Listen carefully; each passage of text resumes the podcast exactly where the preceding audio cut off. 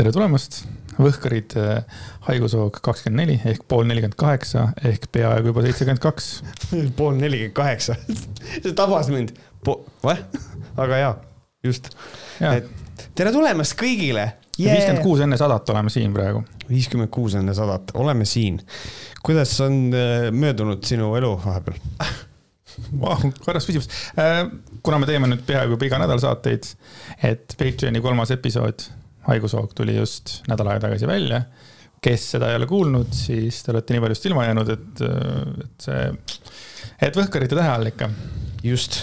istun, teen tööd, vaatan. võhkarid, võhkarid, võhkarid.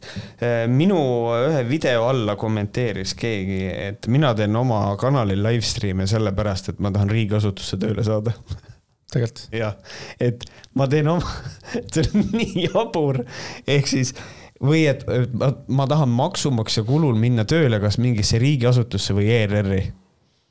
ühesõnaga, kui ma tahan minna näiteks mingisugusesse riigi, mis tahes riigiametisse, siis ma pean suust vist mingit liberasti möla välja ajama. siis mul tekib küsimus, et aga kas siis see teine inimene teeb praegu lobitööd, et saada konservatiivse valitsuse riigiametisse tööle või nagu see on nii kummaline. aga see on lihtsalt, see on hästi tore seik, mis mul juhtus vahepeal. palju sul on öeldud, et sa oled kinni makstud? põhimõtteliselt ikka on. striimide ajal keegi seda otseselt ei ütle Need tulevad tihtipeale pärast kuskil kommentaarides. tunnistame ausalt, sa oled ikka striimides ikkagi üsna oma kõlakojas ka, et suht ja, äh, jah ja. ja., aga, aga, aga sinna on minu arust äh, hakanud vaikselt sisse ujuma siukseid inimesi ka, kes nagu tõstatavad mingeid küsimusi ja, ja, ja et äh, küll aga noh, alati no, noh, nagu me kõik äh, tegelikult ikkagi sotsiaalmeedias suudame ikkagi, kui me esineme seal, siis meil on veits kõlakoda ümber. et tuleb tunnistada jah, et sellele ma ei, ma ei vaidle üldse vastu. True, kas sa oled Justice League'i ära vaadanud? See on kõige olulisem küsimus, mis kõige on kuu aega äh, mu sees olnud, sellepärast et kuna ta tuli see Justice League välja, oli kuu aega tagasi. oodake kuulajad, et me räägime Justice League'i paari minutiga ära ja siis läheb, siis hakkame, siis hakkab pihta. see on sihuke uskumatu maasikas tuleb täna jälle. nii uh,, Justice League või siis uh, Zack Snyder's Justice League uh,, neljatunnine eepos uh,. jah, olen ära vaadanud. et uh, mulle meeldis, meeldis rohkem kui esimene ja minu tagasihoidlik arvamus on see, et et äh, koomiksifilmina on ta väga hea mm,. aga asi, mis teeb ta heaks, on see, et äh, Joss Whedon tegi selle esimese halva Justice League'i ja siis sellega võrreldes on see Zack Snyderi oma parem. ja ma arvan, et selle peale see asi ka paljud, äh, paljusti sõidab kusjuures mina sain teada Jüri käest, et me käisime seda Joss Whedoni oma, käisime seal kinos vaatamas mm. -hmm. I have none memories, none memories ja, siis nagu Jürt ütles ka mulle, et no siis seal ikka tulid välja, sa ütlesid, et see on nagu täielik karaul, mis asi see pask oli, onju. Mhm. aga seal olid mõned asjad, mis mind nagu kohutavalt häirisid. mind häiris äh, Cyborgi näitleja, miks ta oli tehtud mingisuguse, miks oli, miks sihuke näit-, mis asi see üldse on, mingi nannipunnist mingi jonnipunn vend. Äh, mind häirib Batman Ben Afflecki, noh kohutav, uusus, ta oli nagu, terve see film nagu, nagu mul, mul nagu puudub sõna, et, et, et mul on nagu nii raske vaadata kangelasi, kelle, kelle poolt ma peaksin olema, aga ma nagu juba nagu ei salli neid mm.. Nad on nagu nii ebameeldivaks tehtud ja see mind nagu õudselt häirib, et et siin Flashid ja, ja Aquamanid ja need Gal Gadotid, need on nagu toredad, aga see kuidagi, see ei ole üldse nagu kuidagi, see, see, see, see nagu ei tööta minu jaoks kokku, see, see meeskond ka selles, selles suhtes, et aga filmina oli ka, mulle ka tegelikult nagu laias laastus meeldis ikkagi see tume toon ja tegelikult see kurikael oli ka ikkagi väga ägedaks tehtud selle mm -hmm. arvutiga, et, et ja lõpp oli palju ägedam, nagu ma, noh, ma ei mäletanud seda eelmist lõppu, aga noh, kuulsin, kuidas see eelmine lõppes ja noh yeah., ja siis see lõpp oli ka nagu veits teistsugune ja parem ja. aga siin oli jah hästi palju mingeid asju, mis mind tohutult häirisid ja mm., ja mul on nii kurb vaadata tegelikult, et Zack Snyder, kui ta tuli selle kolmesajaga, siis see oli mul kohe instant top kolm äh,. oligi David Fincher, Tarantino ja Snyder, põhimõtteliselt ühe filmi pealt oli mul kohe top mm. kolm äh, lemmikrežissöör ehm, noh, mina võin nii palju öelda, et minu arust on Ben Afflecki Batman kõige parem Batman üldse. uskumatu aga, aga mul nagu Snyderi puhul meeldib, noh, selles mõttes, mis on äh, veel minu arust väga hea Snyderi film on ka Watchmen. Ähm, et Watchmeni film on väga äge, väga tuus. Äh, aga, aga ei, üldiselt mul on hästi hea meel, et et ta sai võimaluse selle, et ta sai selle Snyder Cut'i teha.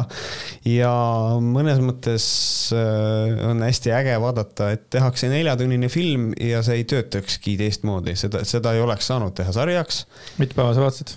Äh, vaatasin järjest ära. Vau.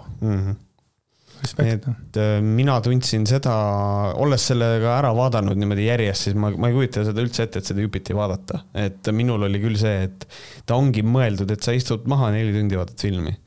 et selles mõttes äh, jah, sa võid vahepeal kusel käia või midagi, aga, aga et jupitamine selle puhul nagu ei tööta. see on huvitav, et sa ütlesid kõige parem Batman, aga kui sa küsiksid, et kes oleks minu arvates kõige parem Batman, siis ma jääksin sulle vastuse võlgu, seepärast et Batmanid on, aa ei no tegelikult Christian Bale mm.. selles mõttes tema ikkagi ja, ja tegelikult ega Michael Keatoni Batman'i vastu mul ka midagi ei olnud, kuigi need filmid olid minu jaoks ülimalt halvad. aga ikkagi Batman ja Robin on ikka noh, läbi aegade kõige hullem nagu no nii cringe. see oli täielik uusus oli seal, eks ole. see oli. Batman ja Robin jah, see kus Batgirl oli ja, ja kõik see. Batman ja Robin ja mul oli, mul oli selle mm, VHS, ma ostsin selle VHS-i, kui ma olin laps ja siis äh, see mulle väga meeldis, aga ta ongi kuidagi ta on selline, kui ma ei eksi, siis selle režissöörist on Joel Schumacher. on küll, jah. et äh, see on, see on see legendaarne Bat Nipples ehk nende kummikostüümidel on need äh, nibud ja kõik see, aga mulle ta lapsena meeldis, aga ta ongi kuidagi lapsemeelne, see film mm,. mu lemmiktegelane oli Bane, sest et ta oli hästi kitsakas tüüp, kes lihtsalt järsku oli musklis, oli väga äge aga ta on, ta on väga halb film selles mõttes, ta on ikka, ta on ikka prügi. ja, ja, ja ta on ikka tõsine prügi. selle Bane'iga tuleb mul meelde see, et mul üks äh, hea tuttav jõusaali hunt hakkas jõusaali tegema, sellepärast et talle meeldis see Bane sealt filmist. Okay.. et noh, et noh, niisugune ilma kaelata vaata nagu ta oli, vaata see, et siukene huvitav fakt aga mitu punkti paned siis kümne palli süsteemis? kümne palli süsteemis uh,, noh, tead, panen, äh, panen võib-olla seitse, ma arvan, seitse. Ähm, see on üks mõte, mille peale, mille peale ma tulin, et äh, ma tean, et mõlemal juhul on tegu filmiga, kui me vaatame klassikalist filmi ja siis vaatame koomiksifilmi. aga mul on endal selline tunne, et, äh, et võrrelda klassikalist filmi ja koomiksifilmi on minu jaoks täpselt sama kui võrrelda romaani ja koomiksit. ehk siis kuidagi need, osadel inimestel on koomiksifilmide puhul mingisugune siukse klassikalise hea filmi äh, ootused ja, ja see lihtsalt, see ei ole nii, see ei ole see mõte. väga, väga armas. Sin Cityt ma küll saaks võrrelda kõikide heade tavafilmidega. Sest et ta on tehtud kuidagi niimoodi ka, ta on, ta on, ta on minu jaoks kuidagi niimoodi, seda on nagu proovitudki nagu teha. IMO, ma ise arvan. küll aga ma olen ära vaadanud praeguseks vist kõik need siuksed Oscari filmid, mis kandideerivad Oscarile, seal on ikka filme, mis on noh, ei anna võrrelda, see on nagu klass omaette, mingi The Father või siis äh, ma ei tea, no isegi see äh, Pieces of a Woman või mingid siuksed filmid, et ikkagi, ikkagi hoopis, hoopis teine asi mm. -hmm. nii, nüüd äh, kõik tulge tagasi, kes ei olnud filmijutust huvitatud ja lähme siis päevakajaliste teemade juurde. võtame, võtame narkootikumid või?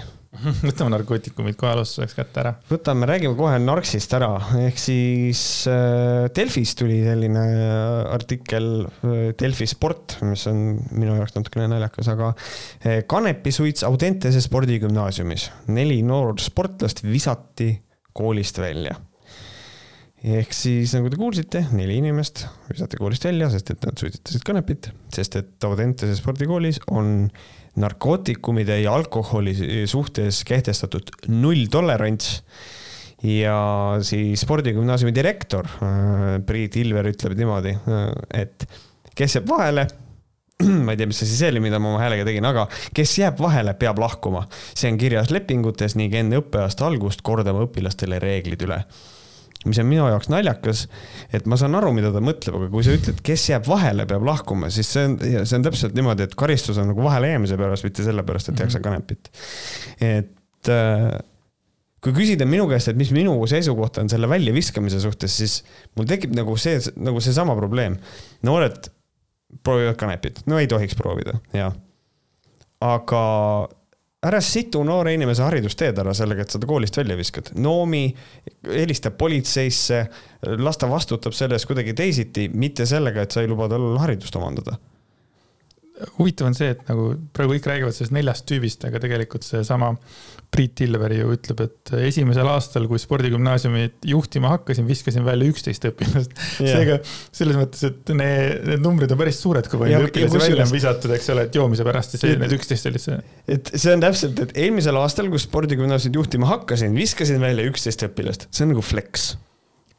Et nagu no, see on. ei no aga, aga vaat still, et see on ikka päris korralik rate on selle selles suhtes, et ja ja, ja ikkagi, ikkagi noored julgevad teha ja mul on sihuke nii vastastikused tunded selles suhtes, et äh, olles kunagi olnud noor, olles äh, korralikult ka kanepit suitsetanud ja, ja, ja kõik selles mõttes on ju. ma saan nagu aru, aga, aga siin on jällegi see agu, aga, et kui siin on lausa ongi, a la ütleme, et ongi aktus ja, ja ta ütlebki niimoodi, et kes vahele jääb, peab lahkuma mm.. ja ongi nagu kõik. ja siis inimesed võtsidki selle riski, on ju, ja tegid, jäid vahele ja pidid lahkuma et see on selline jah, ma nagu saan aru, sest et mina esialgu, kui ma lugesin seda, siis minu esimene mõte oli ka see, et noh, selge, neil on nulltolerants, selge, davai, noh, siis eh, rikkusid kokkulepped ja visati välja, aga siis ma hakkasin nagu mõtlema selle peale, aga sa viskad noore koolist välja ja see, see mark jääb talle nagu ju külge, et. Mhm. see ei lahenda nagu, see ei lahenda nagu probleemi nagu. just, et nagu enne oleks tal see, et ta suitsetas kaks korda kanepit näiteks aga lõpetas kooli ära, omandas hariduse ja läks õppis edasi, siis nüüd on nagu see, et ai, kuna eh, mina, Priit, mina, eh, mina vihkan narkootikume ja nüüd eh, tema suitsetas ja fuck that person forever, nagu justkui seal on nagu selline probleem. pluss ähm, kui sul on nii suur nulltolerants, siis äkki kõik Audentese õpilased peaksid vähemalt kord nädalas andma kuseproovi. et siis see oleks nagu üleüldiselt, et me saaks, et, et see nulltolerantsiga sa saaksid kätte ka need, kes vahele ei jää. muidu ehk siis mitte, et keegi jäi vahele ja siis tehakse nagu, et las kõik kusevad sul kord nädalas, kõik lähevad direktori ukse taha ja kusevad seal. ja siis tehakse ilusasti ära, on kuseproovid, siis Priit Ilver seal niimoodi. selge, see on nagu halb, et et noh, selles mõttes need neli inimest, noh nüüdseks siis kokku viisteist inimest, kes on välja visatud. vähemalt. vähemalt viisteist inimest on koolist välja visatud kuidas nad äh, huvitav tunnevad ennast, teades, et seal koolis käivad edasi õpilased, kes teevad ka kanepit? kes ei ole vahele jäänud. jah, nad ei ole lihtsalt vahele jäänud. et nagu see on nagu. ma millegipärast arvan, et see päris teema nii ei jää, et ikkagi arust sellisest väikesest äh, noh, natukene nagu naljakast uudisest esmapilgul mm -hmm. on nagu ikkagi päris äh, kuidagi suur uudis saanud ja, ja, ja kõik kihavad selle, selle teemaga. Yeah.. et ma üldse imestaks, kui need õpilased tagasi võetakse ja see asi nagu natuke üle vaadatakse, et kui, kui suur rikkumine tegelikult see kanepi suitsetamine oli, noh, väikene mm, -hmm. väikene no, joint, eks ole, et jah, see ei ole nagu ei ole nagu mingisugune. ma saan sellest aru, kui sul on see, et sul on õpilaskodus, ei tohi ennast täis kaanida ja õpilaskodus ei tohi kanepit harjutada, ma saan sellest aru. aga, ja, ja no üldse, üldse igasuguste sihukeste ainete tarbimine alaealistel, ma saan aru, noh, see on, see on probleem, sellega on vaja tegeleda, et, et nad ei teeks seda, see kõik on okei okay.. aga see lihtsalt see, et sa nüüd kiss your education goodbye on nagu nõme. et see on üldiselt minu minu kaks senti on see, et äh, laske inimestel koolis edasi käia, palun. las selle, nendega tegeleb politsei või, või, mhm. või kuidagi teisiti võiks selle asja lahendada. ei jah, selle, selles mõttes nagu üks osa oli see ratsionaalne, tegelikult noh, tegelikult ma ikkagi saan aru, et see ei olnud, see ei olnud nagu ikkagi väga äge.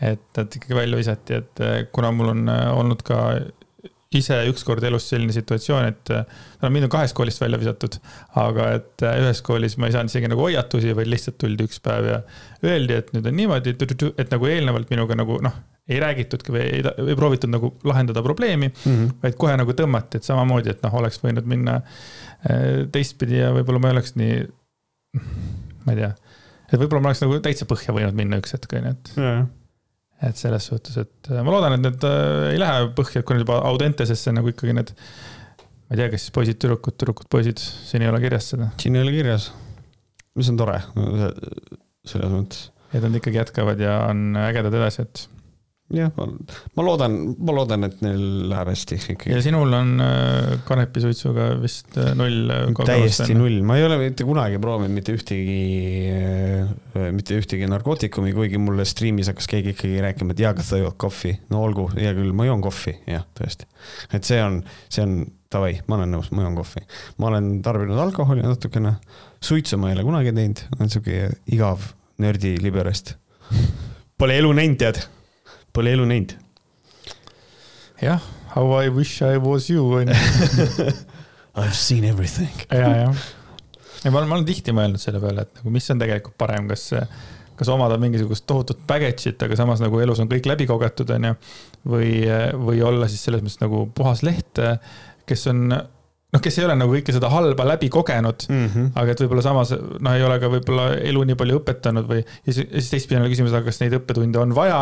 noh, teine pool jälle ütleb, et noh, samas nagu on vaja, et need õppetunnid on sellel hetkel ära tehtud ja need on teinud minust selle teine inimese, et see on yeah. nagu nii noh, see küsimus, et mis on nagu hea, et yeah. kas joosta need sarved maha juba noorelt või siis tõmmata mingit no siin ongi see, et äh, kui sul on, kui sul on sel-, nagu see baggage, äh, sul on nagu baggage nagu nii-öelda mm, -hmm. et kui sul on seljakott asju täis, siis äh, kõndida sellega sada kilomeetrit on raskem kui käia ilma kotita aga kui sul tee peal midagi juhtub, siis äkki sul on seal kotis see väärkasi olemas, et noh, see ongi täpselt nagu see.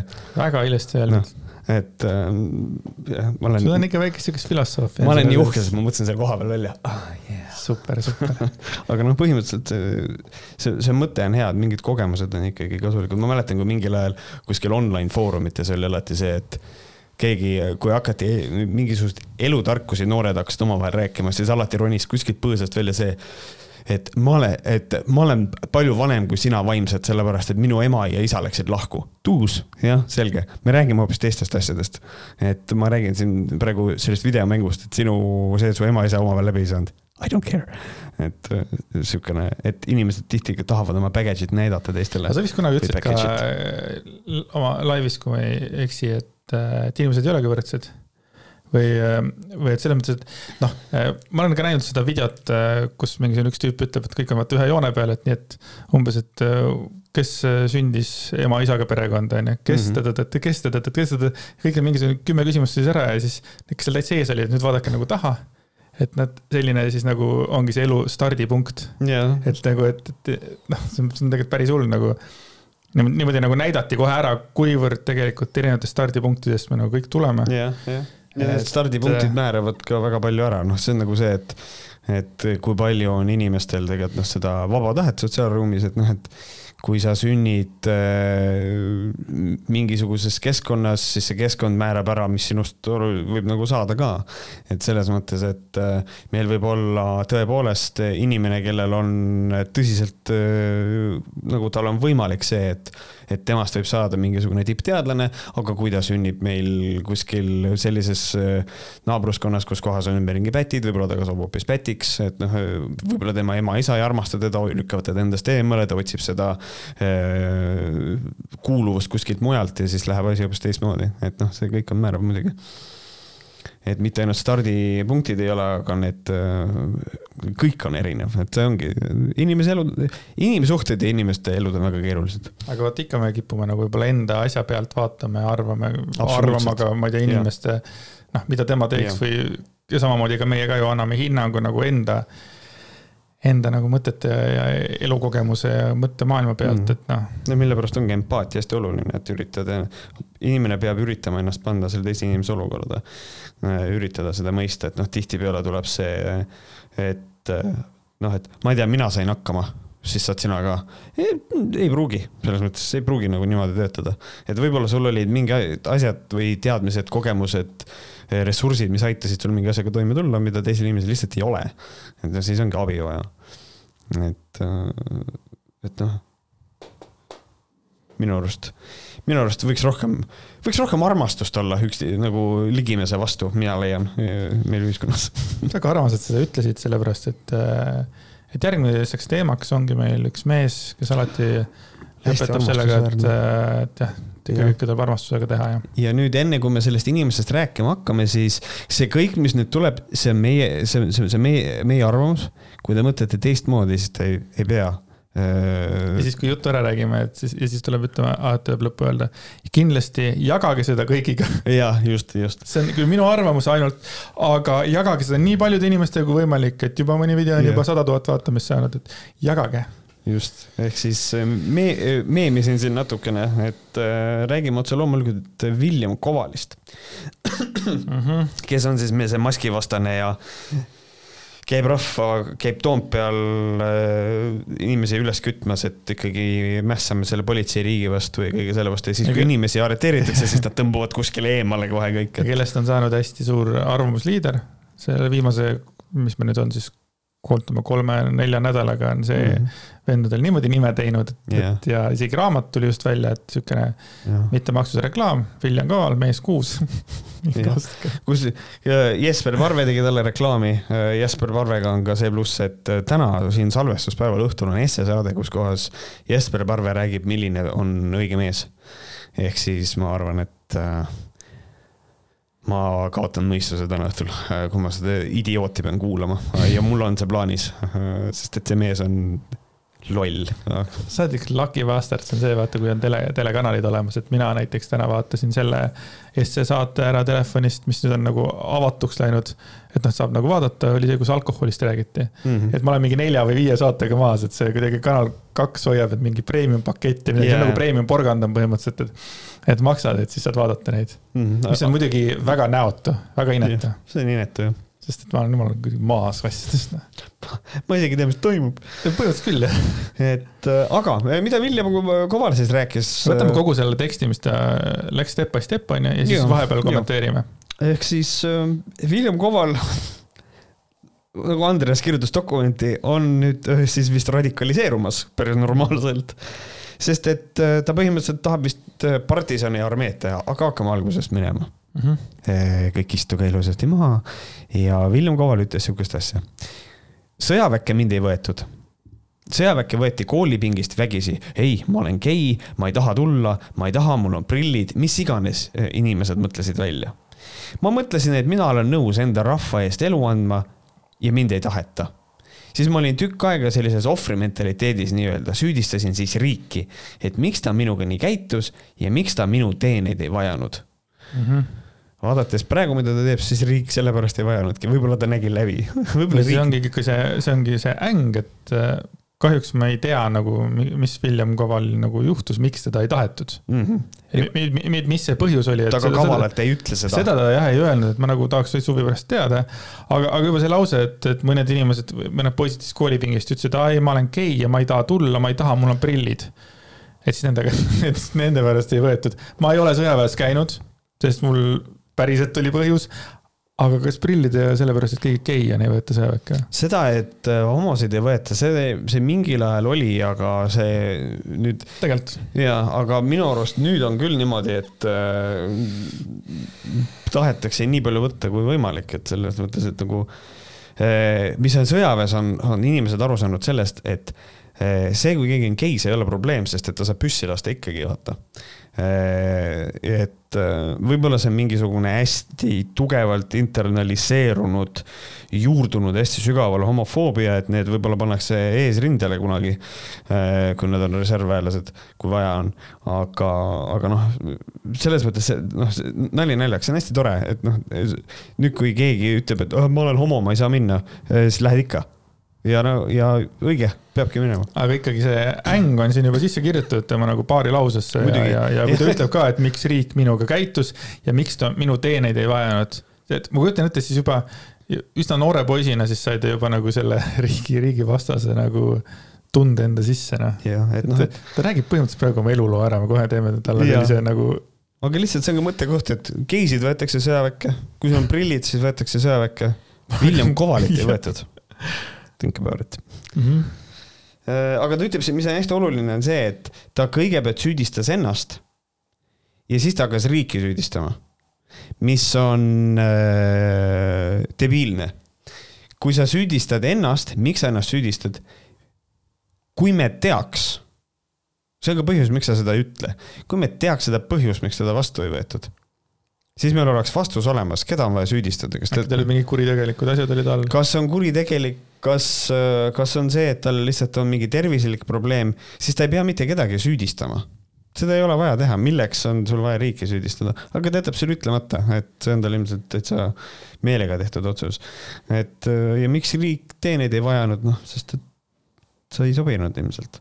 aga kui me praegust olukorda maailmas vaatame, kõik see majandusliku ja poliitilise iga külje pealt, kust võimalik, on ees ootamas suure tõenäosusega küllaltki ebastabiilsed ajad. jah, võiks öelda suisa, et mõnes mõttes ohtlikud ajad. mõne inimese jaoks kindlasti. mis see tähendas? see, see on nii naljakas, see on nagu, meil on ohtlikud ajad. noh, mõne inimese jaoks kindlasti kui palju, kolm-neli inimest, viis, sada? mind läks, kummitas see, et mis ta sellega nüüd öelda tahab Eh, noh, võttes arvesse seda, et kui ta räägib, et meil on majanduses ja poliitikas, et meil on hästi segane aeg, siis ma olen kuulnud seda, kuidas ta räägib inflatsioonist mm, -hmm. mis, kus ta näitas ideaalselt ära, et ta ei tea majandusest mitte persetki. sest et ta kirjeldas midagi, mis ei olnud inflatsioon. mis puudutab et meil on poliitilisel maastikul ebastabiilne aeg, siis see, et see on ebastabiilne, ma olen siia märkmine kirjutanud, et mulle ei meeldi praegune valitsus, ergo Äh, poliitiline eba, ebastabiilsus, ehk siis talle ei meeldi see, mida valitsus teeb, ta ei ole valitsusega nõus, järelikult on kõik hästi ebastabiilne.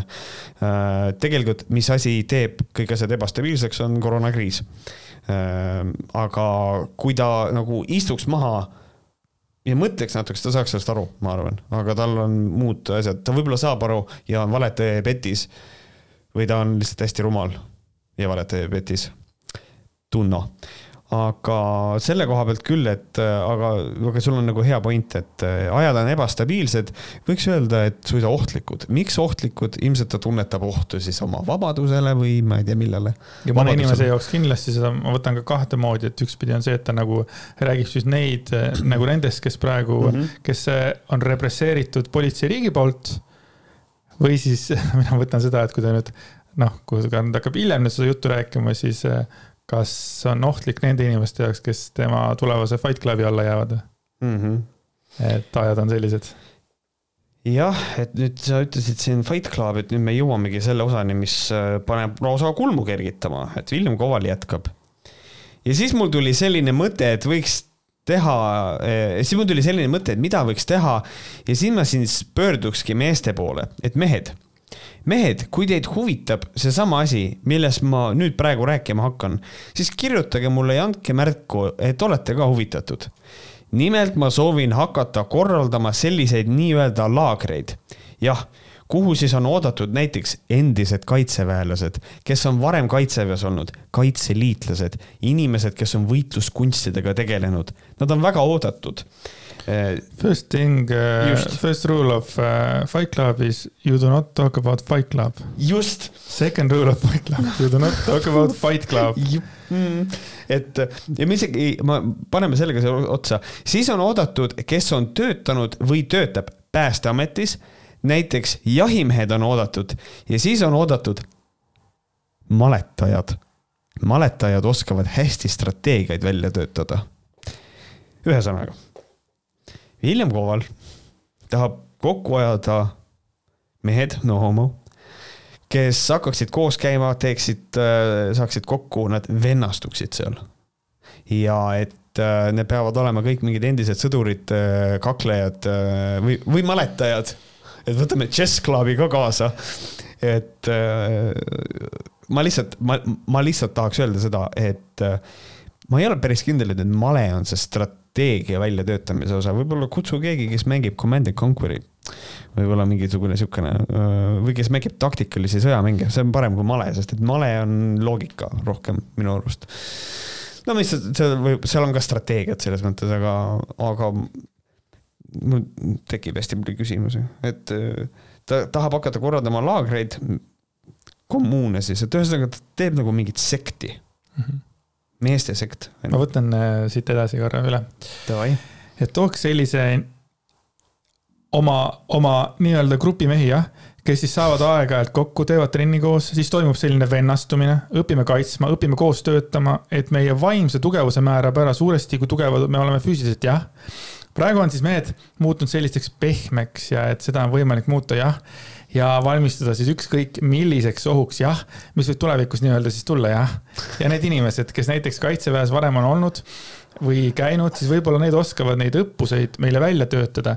millist kava või milliseid harjutusi teha tuleks milliseid strateegiaid kasutada, noh, tähendab, siin on, äh, saab ainult loovust kasutada, siin on kõik võimalik. et mind väga huvitab selline asi, sest nagu ma ütlesin, et mulle tundub, et need asjad hakkavad nagu väga veidraks kiskuma ja on hea nagu nii-öelda valmis olla ja on hea, kui sul on kohe nii-öelda, kui sul on kohe nii-öelda toetuda.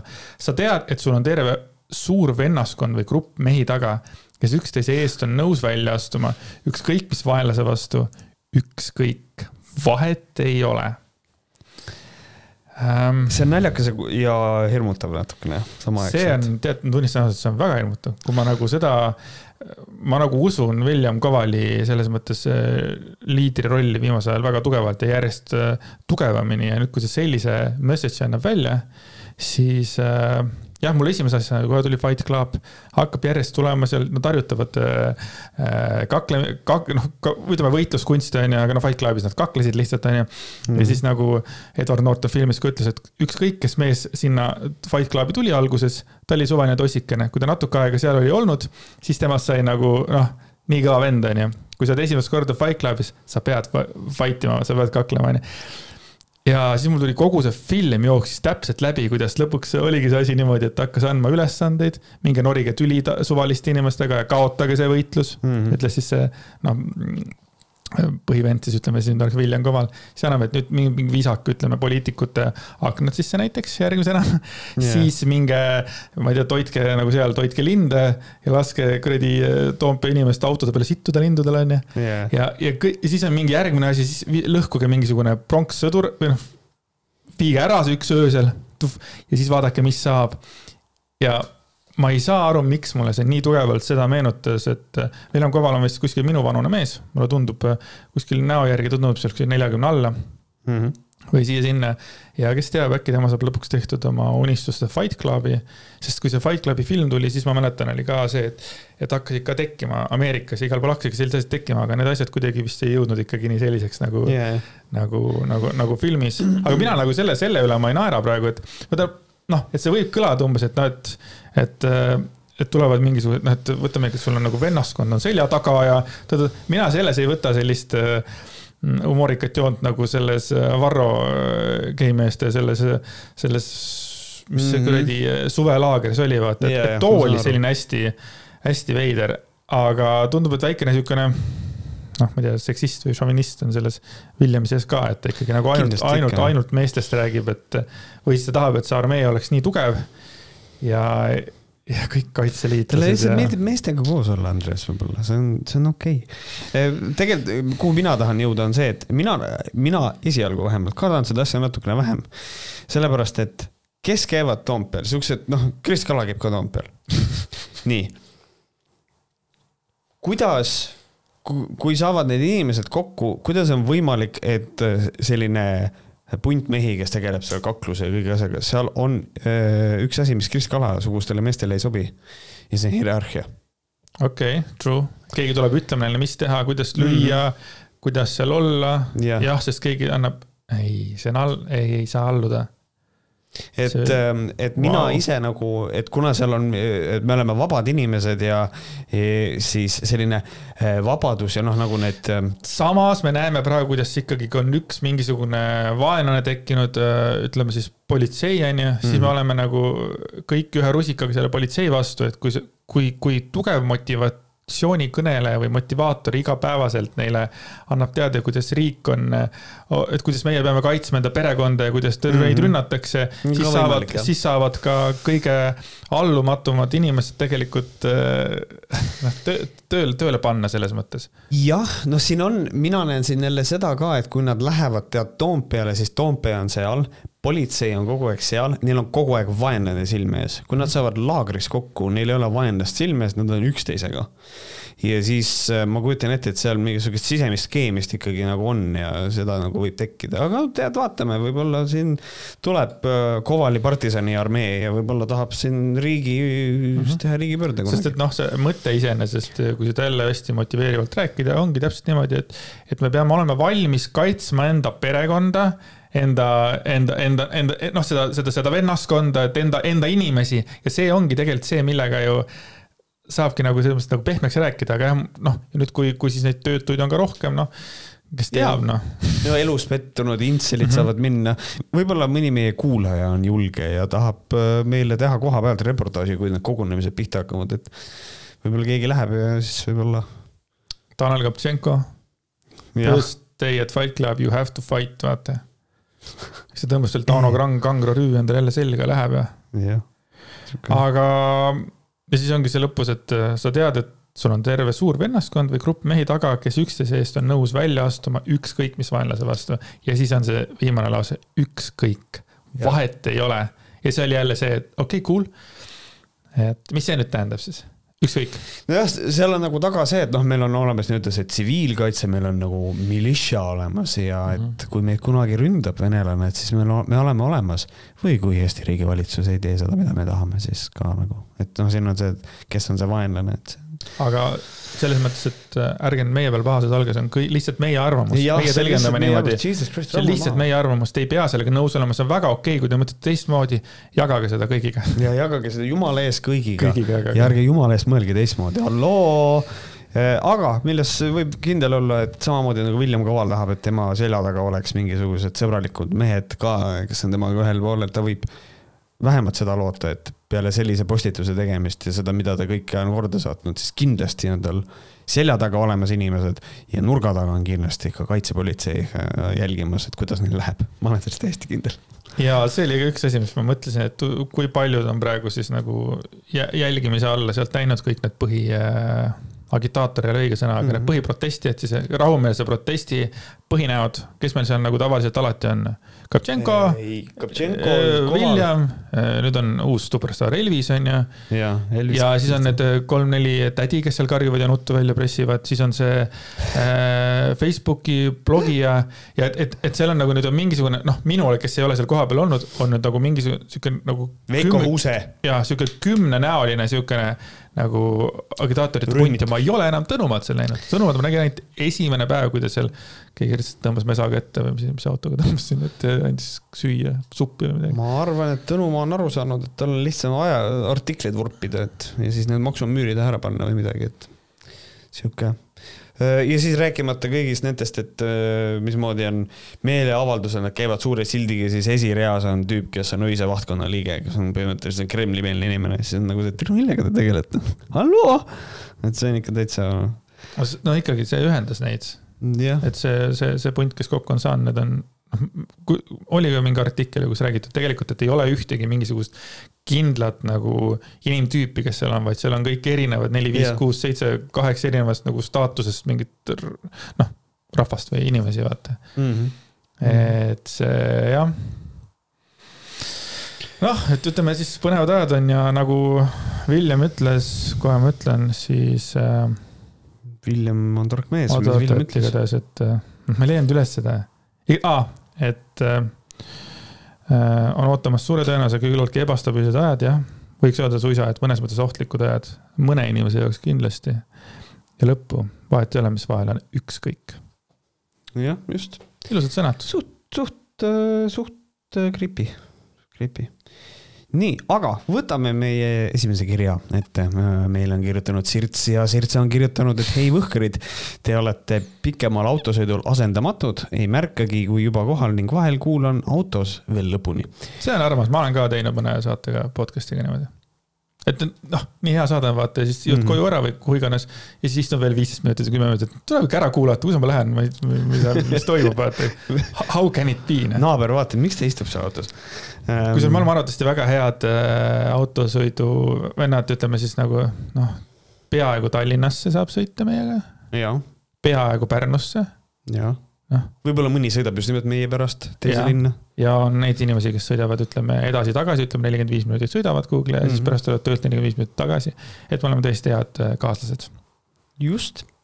ja Sirts, Sirts kirjutab niimoodi, et eh, mul on paar tähelepanekut. Kui seda porgandi episoodi kuulasin, siis tuli meelde, et Jake Farra oli pikalt elukaaslane kunagi. see võis ehk kuidagi seoses olla, et reaktsioon oli nii tugev. seda, et Jake Farra ja porgand olid koos, seda ma tean. ma olen Jake Farraga isegi äh, rääkinud nüüd peale seda porgandi asja, mis nüüd oli, kus kohas ta võttis minuga ühendust, me rääkisime natukene Oh?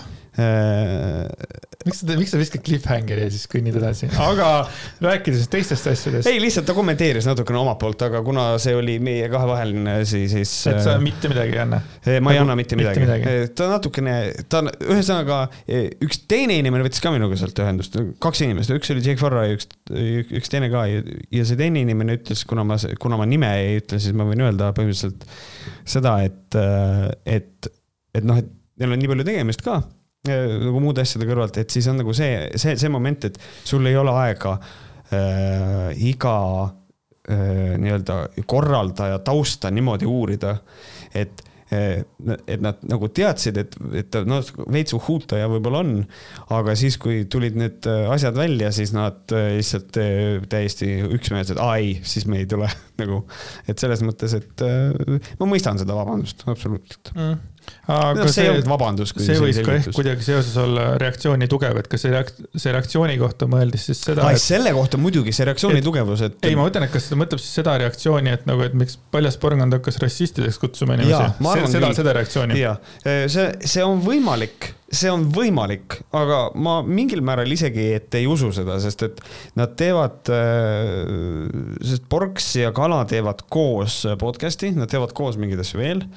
Ja, ja mulle tundub, et äh, lihtsalt kui, kui keegi ründab The Fish'i, siis äh, Carrot Top läheb ka närvi lihtsalt, et, et võib-olla see oli lihtsalt, ma kaitsen oma sõpra nimetades teisi rassistideks, because that's what a cunt would do. et, et ma arvan, et minu arust jah, see Jake Farra ja Marilyn Taimre suhe oli nagu mööda läinud, seepärast et mina avastasin või noh, minuni ta jõudis siis, kui ta Uku Suvistega koos oli. aga kui ma selle kirja kätte sain, siis ma viskasin ilusasti Google'isse, panin Jake Farra ja Paljas porgand ja siis ma sain ka porgantoloogiasse natukene informatsiooni juurde, et äh, nad vist olid koos Austraalias isegi lausa olnud ja, ja mingi kaks tuhat neliteist oli vist see teema ja isegi Porks andis vist temaga suhtes olles seal oma esimese raamatu välja, nii et tundub, et Jake Farra on ka väga motiveeriv inimene. vot, aga üldiselt see. aga ma ei ole porgantoloogias nii tugev, nagu on Marianne Ubalet. porgandoloogia, just. see oli väga vahva. aga ühesõnaga, ma arvan seda, et äh, see, et äh, äh, tore, et on, tore, et Jake on edasi liikunud oma eluga porgandist mööda. Siis teine tähelepanek, igal protestil on alati kohal Daniel Kaptšenko, kes nüüd muutis oma Facebooki nime Daniel Rüütmaniks. kui nii uhke olla tegude üle, siis miks muuta Facebookis nimi järsku täiesti random'iks? nagu ma aru saan, siis tegelikult see on tal täiesti plaan ka juriidiliselt oma nimi ära vahetada. ja minu arust oli see, ta oli juba Daniel Rüütmani nime all natukene ennem, kui ta siin nagu täiesti pilti läks. Ja ma millegipärast arvan, ma ei tea, aga ma arvan, et see on see nime eestistamine, et jah, Tanel Kaptšenko, kuigi see on üldse huvitav süsteem, et sul on täie full-blown Eesti poisi nimi ja sul on full-blown nagu vene perekonnanimi. ja siis sa vahetad oma nime ära ja Ja- oled Daniel. Daniel, mis on nagu põhimõtteliselt noh, natuke rohkem vene nimi kui Tanel ja Rüütman on jälle, et kas sa tahad olla Rüütel või, või mis see, mis Vot see ei tea. point on, et ei tea, ei ole nii sügavalt. mulle jäi sellest äh, Postimehe videost, mis temast tehti, mulle jäi sellest selline mulje, et ta kuidagi võtab sellega endale mingisuguse vabaduse, et ta valib endale ise nime. mida ma võib-olla suudan mõista, aga mis tundub. ja ma mõtlesin ka, et mis sa tahaksid panna enda nimeks. ma olen sitaks rahul oma ei, nimega aga. noh, viska nüüd mingisugune, pane hull nimi, mis sulle meeldiks, noh. mis on ilus poisslapse nimi, noh. Kiir, Kiir, ütle, mis on ilus poisslapse nimi. Mart? Ma ei tea, ma, ma, mul ei ole mitte kunagi olnud probleeme oma nimega, aga ma, kui ma peaksin, et nii, nüüd sa pead oma nime ära vahetama, siis ma arvan seda, ma võtaksin midagi, mis erineks. The Rock, The ei, Koik, ma paneksin, ma laseks oma eesnimeks panna Jeeriko. perekonnanime ma ei tea. Jeeriko, Jericho, mm, meri, pohhui. Mm.. Jeeriku meri, pohhui. mõtlesin, me sama nagu abikaasaga tegi, noh, arutasime, et, et kui kunagi peaks poeg tulema, et siis äh, päris äge oleks talle paneks nimeks Jesus. No, vaata nagu Mehhikos igal pool on, seal on Jesus on normaalne, aga mõtle, kui ta oleks jää, selles mõttes nagu eesti keeles oleks Jeesus Jääger. Poiss läheb see nimi. väga hull tegelikult, ma ei tea, kas tohib panna, sest Mehhikos on, Jesus on ju full blown tavaline nimi, nagu ma aru saan. Jesus, aga kui ma nüüd läheks ja ütleks, et ma tahan panna nüüd nimeks Jeesus. Jeesus Jääger. minu arust ei tohi, Eesti nimeseadus minu arust seda ei luba. aga see on ebaaus. jah, aga you, you know what paras ma, aga, aga tegelikult on olemas, minu klassivennal oli hästi, oli hästi armas nimi ja, ja see on poisslapse nimi. ja ma tegelikult juba ütlesin ka seda, armas mm. Et lihtsalt ja, kui, ja siis sul on poeg, armas jääger. ja, ja, ja, kallis on ka, ma tean, et nais-, tüdrukutel on kalli näiteks, see on jumala äge näiteks. kalli jääger. jah. ma ei tea, Miia Kalli jääger. Miia, Miia Kalli jääger, just et ühesõnaga, see nimevahetus on tal mingisugune enda. just, et me ei usu, et see on seotud sellega, et ta ei oleks nagu uhke enda tegude üle, ma usun, et ta on väga uhke. ja, ma arvan küll jah, et nii, siis Sirts kirjutab edasi, hakkas huvitama, kas erakonnal on suva, kui nende liikmed kuskil möllavad ja kiidavad takka mitmesajalisi koroonakoldeid, samal ajal kui teised erakonnakaaslased ja Riigikogu üritavad levikut peatada. leidsin mingi vana artikli, aga siin otseselt erakonna vaadet sellele pole mainitud, siis on üks link ka. erakonnal ei ole suva, ma, ma arvan, et erakonnal suva ei ole, eriti kui me võtame arvesse seda, et Kaptšenko visati ka välja Keskerakonnast. jah, aga ikkagi enne seda ta kolm kuud äh, rääkis ka juba mingist mm -hmm. oma riigist, ma ei tea, mis asjast, et, et juba siis, aga siis ta vist oli nii small fish et mm -hmm. nobody gave a fuck, et ta küll on mingi Kaptšenko pohhu, vaata. las ta käib oma põhikoolis. ja vot erakonna liikmetel on see asi ka, et kui sa oled erakonna liige, siis kui sa oled lihtsalt erakonna liige, siis sinu võib-olla see reach on nii väike, et võib-olla mm -hmm. erakond isegi ei ole kursis, et ja, sa huutad kuskil. kes see on üldse? mingi rändo kuradi sealt mingis linnaosas ütles, et koroonat ei ole olemas. pohhui. jah, et ega erakonnas ju inimesed, nad ei saa ju mõelda kõik ühtemoodi mm, -hmm. see ei olegi normaalne. jah, ma olen nõus sellega. aga EKRE koha pealt on küll see, et EKRE-st ei saa mitte keegi koroonavastast välja visata või koroonaskeptikut, sellepärast et neil on Grünthal Riigikogus ehk siis seal on nagu, see on EKRE-l see ebamugav koht, et äh, kes iganes sealt välja visatakse, sellepärast et ta on näiteks koroona eitaja, võib küsida, aga miks Grünthalit välja pole visanud, aga ta on Riigikogus. et siis nagu see EKRE-l on selle koha pealt natuke, ma leian natuke halb seis. jaa, aga nad ei ole ka üldse plõksinud sellel teemal, et me saame, kõik ja, on natukene just. nagu selles mõttes seal Varraga ühes paadis ja räägivad täpselt sama juttu, vaata, et mm, -hmm. et noh, ma ei tea. aga Grünthalini ka see kiri veel jõuab, aga siis ta veel ütleb sinna kirjas, et aga jah, ta üsna, ta räägib Tanel Kavtšenkost siis, ta üsna omamoodi härra nagu Andreasel on Kingo, siis see on minu koolivend. ütleme nii, et pigem ei tahaks, et ta tulevikus kuhugi liiga võimukale positsioonile saaks. ma, ma luban, ma luban, armas Sirts, et Tanel Kavtšenko ei saa mitte kunagi ühele võimukale positsioonile. maks, mida ta teha saab, ongi see, et ta teebki mingisuguse oma, oma mingisuguse veidra mingisuguse. ta teeb ka sekti. raha, rahva erakonna või, või mingi sekti või mis iganes ja, ja kui isegi lampi, kui isegi nad peaksid mingisuguse pundiga minema sinna valimistele, Kaptšenko on selleks kõvemaid nimesid mm, -hmm. siis see protsent võib olla võib-olla mingi null koma null kaheksa või midagi taolist, et ta saab, võib saada kakssada häält ja keegi teine sealt ei saa.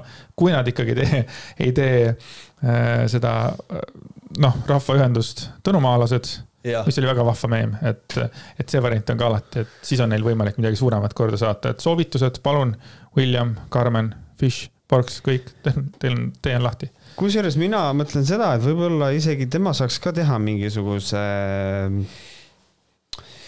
mis sekt on, ei käi, ei lähe kooli või? me ei lähe kooli. vot ongi, et ta saab ka teha mingisuguse võib-olla siukse mingi no me, meeste, meesteühenduse ja siis nad võib-olla saavad, võtavad mingi väikese saarekese Eestis, näiteks Hobulaiule lähevad ja jagavad Kovaliga Hobulaiu pooleks ja siis üks teeb oma sekti, teine oma sekti. ja teist, ja ühel on tarkade klubi, teistel on äh, fighterite klubi. jah, just. Fight Club, Smart Club. et kõik maletajad lähevad Kaptšenkole ja siis kõik siuksed kõvemad mehed need lähevad, siis need lähevad Kovalile ja siis The Fish on nagu, kuhu ma lähen, ma ei tea, mitte kurat, kõik käsutavad, raisk.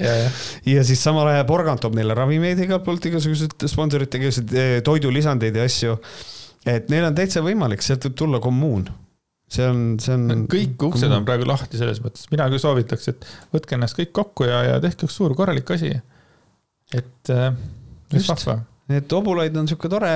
hobulaid. hobulaid jah. miks mul kohe tuli Helvet Tohi Tallis meelde, siukene, siukene saade õhkuritab hobulaid on, on siukene, ma olen käinud hobulal paar korda, see on siuke hästi pisikene, väikene saareke, seal on kaheksakümmend üheksa hektarit on selle pindala, mm. saavad ilusasti ära jagada, see on siuke tore. ma arvan, et see on väikseks ikkagi see on, mul on nagu mingi pilt sees silme ees, kuidas see Kovali vennad seal kõik nagu ninjad, vaata, peksavad need keppidega teineteist ja mingid potsid on taga, mingi, no mingi hull. sõidad, sõidad paadiga hobulööst mööda, kuulad kauguses.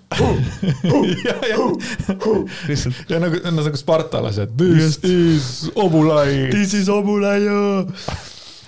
muidugi tolleks hetkeks on kõik eesti keele rääkimise ära unustanud. Äh, äh, ja siis põhimõtteliselt on hobulööl käitumise reeglid, suure tahvli peal on silt mm -hmm. ja esimene lause sildi peal, kõik, kõik need reeglid on meie arvamus. Kui teil on teistsugune, siis kirjutage need siia alla.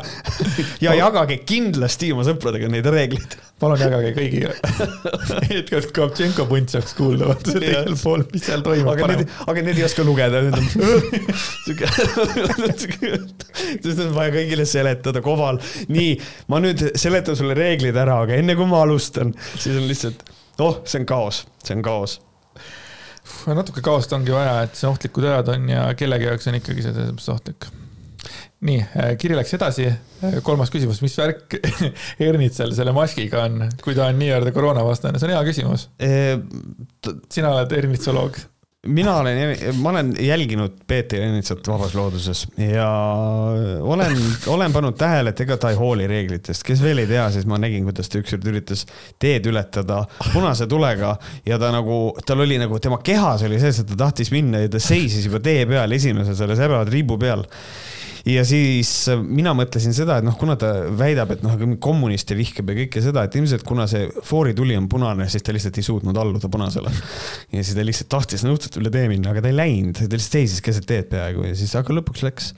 Äh, ma arvan seda, et Ernitson on lihtsalt loll vanamees ma sekundeerin et ma arvan, et tal on lihtsalt see, et ta kannab maski ta ärkab hommikul üles ja tal on noh, natuke seniilne, ta on ära unustanud seda maski, et, et ta on koroonavastane, et, et ta, ta on selle ära unustanud, siis ta vaatab maski paneb maski ette, mõtleb, ah see on loll, ma võtan selle ära, ma, kuradi koroona, seda ei ole olemas ja siis ta unustab ära, et ta maski ees ja siis ta läheb lihtsalt tööle.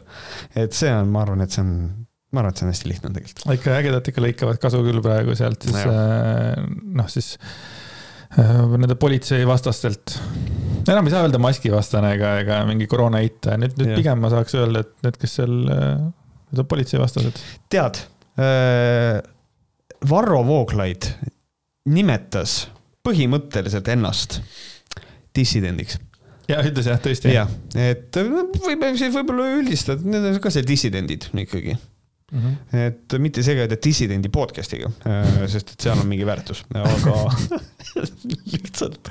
tere, see oleks äge dissidendi podcast, noh, Marianne ja kuradi Varro istuvad seal, arutavad elu üle.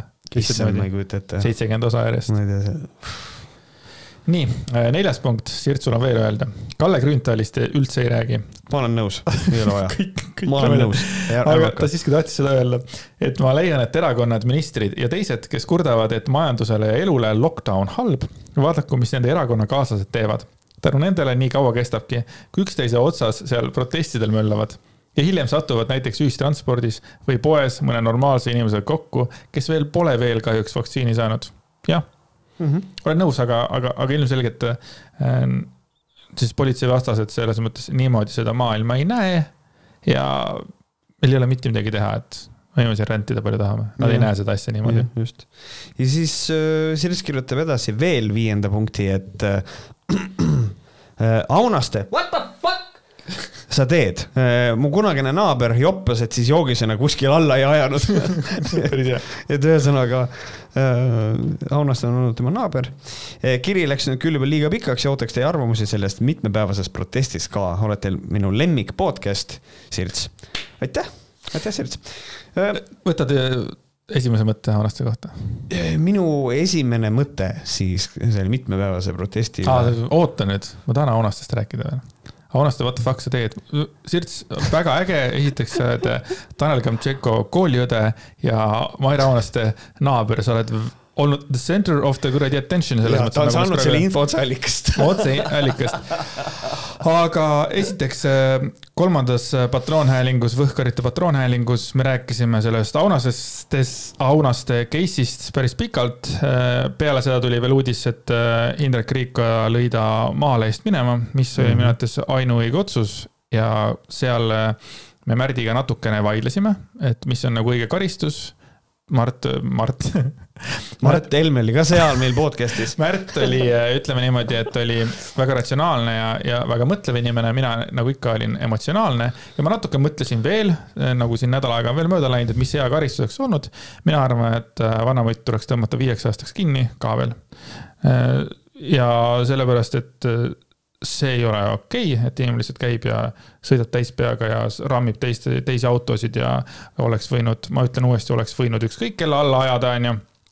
Fuck that, ma ei usu neid pisaraid ja Aunaste võib perse minna, see on minu, minu viis senti praegu mm. -hmm. Minul on olemas vastuargumendid ka, mida, millele Andres just rääkis, aga need on meie patroonhäälingus, et, et kui oled huvitatud, siis, siis, siis kuula seda nii, siis. nüüd räägi mitmepäevasest protestist. ja nüüd sellest mitmepäevasest protestist äh,. mina tahan lihtsalt öelda seda, mina ei saa enam aru, miks nad seal on äh,. sellepärast, et kui nad olid selle NETS-i seaduse pärast, siis EKRE käis välja selle, et me nüüd tegime kompromissi mm. -hmm. Need politseiriigi, need paragrahvid, need kirjutatakse sealt välja. Which is bullshit, it's a lie.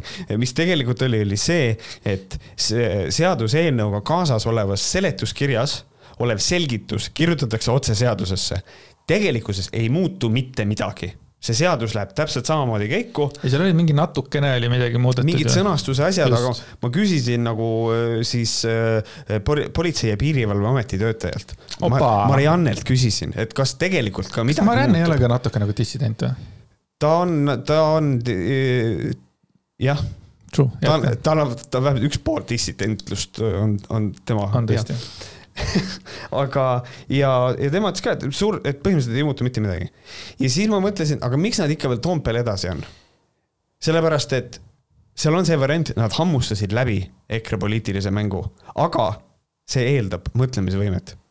välistame selle no,. miks nad on seal, politsei jah. vastu või, või lihtsalt äh, lahe, saame koos olla? politsei viib endale lapsed ära aga. kas sa ei saa aru sellest ja nüüd see ongi politseivastane, nüüd kui politseinik tuleb, siis hakkame nimesid hüüdma politseinikuna mm. -hmm nojah, inetuid nimesid selles mõttes. ehk siis, ehk, siis ühesõnaga, no jaa. sa muutud politseivastaseks, sa saad ise ka aru, et see ei ole enam selle NETS-iga nagu laias laastus enam seotud mm. -hmm. Et see võis just, olla esimesed just. kaheksa päeva, ei olnud, see oli esimesed kolm päeva NETS-iga seotud, siis hakkas seal politsei käima, siis see muutus kohe see, see arusaam toimus, see, see muudatus ja nüüd on siis niimoodi, et nii kui politseid nähakse, karjutakse vägistamine, ahistamine no, ja. ja kõik see muu bullshit, mis seal on.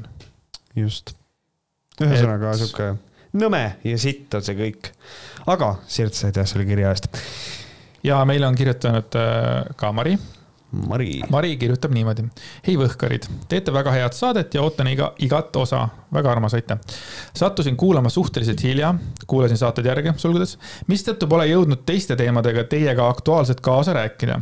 küll aga peale viimast Pealtnägijat valdas mind meeletu viha, mille peale tekkis soov teiega teemat arutada jutt siis naistest, kes on esitanud äh, süüdistuse end väärkasutanud meeste vastu ja kohtus kaotades justkui omakorda riigilt löögi saanud mm. -hmm. saan hästi aru, et sõna sõna vastu vaidlustes on pea võimatu süüd tõestada minu mõte aga jutule, kus ka vigastused ei anna piisavalt tõendeid juhtunu kohta, on üpris radikaalne. kui jõuaks sellised juhtumid rohkem karistuseni, oleks karm, karmi seksi viljelejad varsti olukorras, kus vältimaks hilisemaid süüdistusi, teeksid nad enne vahekorda kirjaliku kokkuleppe lepingu vastastikuse nõusoleku kohta. lisaks tuli mulle mõte alkoholiga väärkasutamise kohta, mis samuti väga radikaalne. kui alkoholijoobes toimub vahekord ja esitatakse süüdistus, mõistetakse isik kindlalt süüdi. saan aru, et see mõjutaks ka tavainimeste suhteelu palju, kuid samas teeks see ka üldise ühe öö suhete loomise tervislikumaks, kui kaoks ära see arusaam, et purjus peaga on hea lihtne suguühet luua. tahaksin väga kuulda teie arvamust antud teemal ja ootan kuulda neid kitsaskohti, mis mul enda suurest vihast kahe silma vahele on jäänud.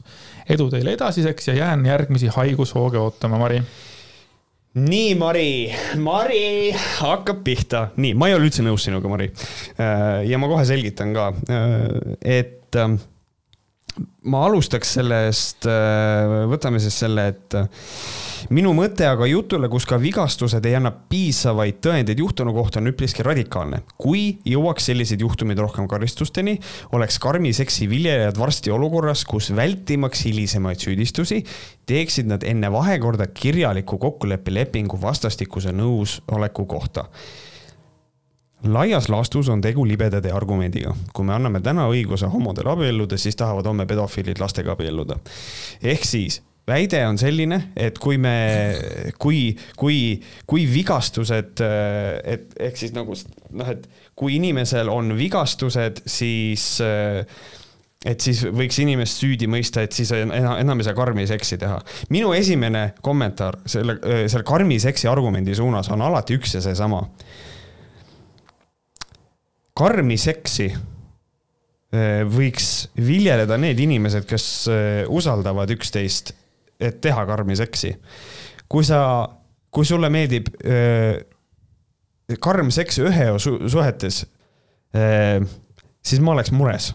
et mina leian, et see karm seks on, karm seks elab väga usalduse peal, vastastiku usalduse ja piiride tundmise peale. sa ei tunne võõra inimesega piire. ehk siis mina arvan seda, et, et karmi seksi viljelejad, kui nad nüüd mures on, et, et äkki keegi kaebab nende peale, siis ma, ma, ma leian, et see ei ole nii suur probleem, ma leian, et see on väljamõeldud probleem. see on veits nagu Fifty Shades of Grey, vaata, kus nad ilusasti andsid allkirja, et kõik, mis toimub, on vist nagu, et kusjuures nende kirjalike kokkulepetega on üks asi kohe, mis ma ütlen.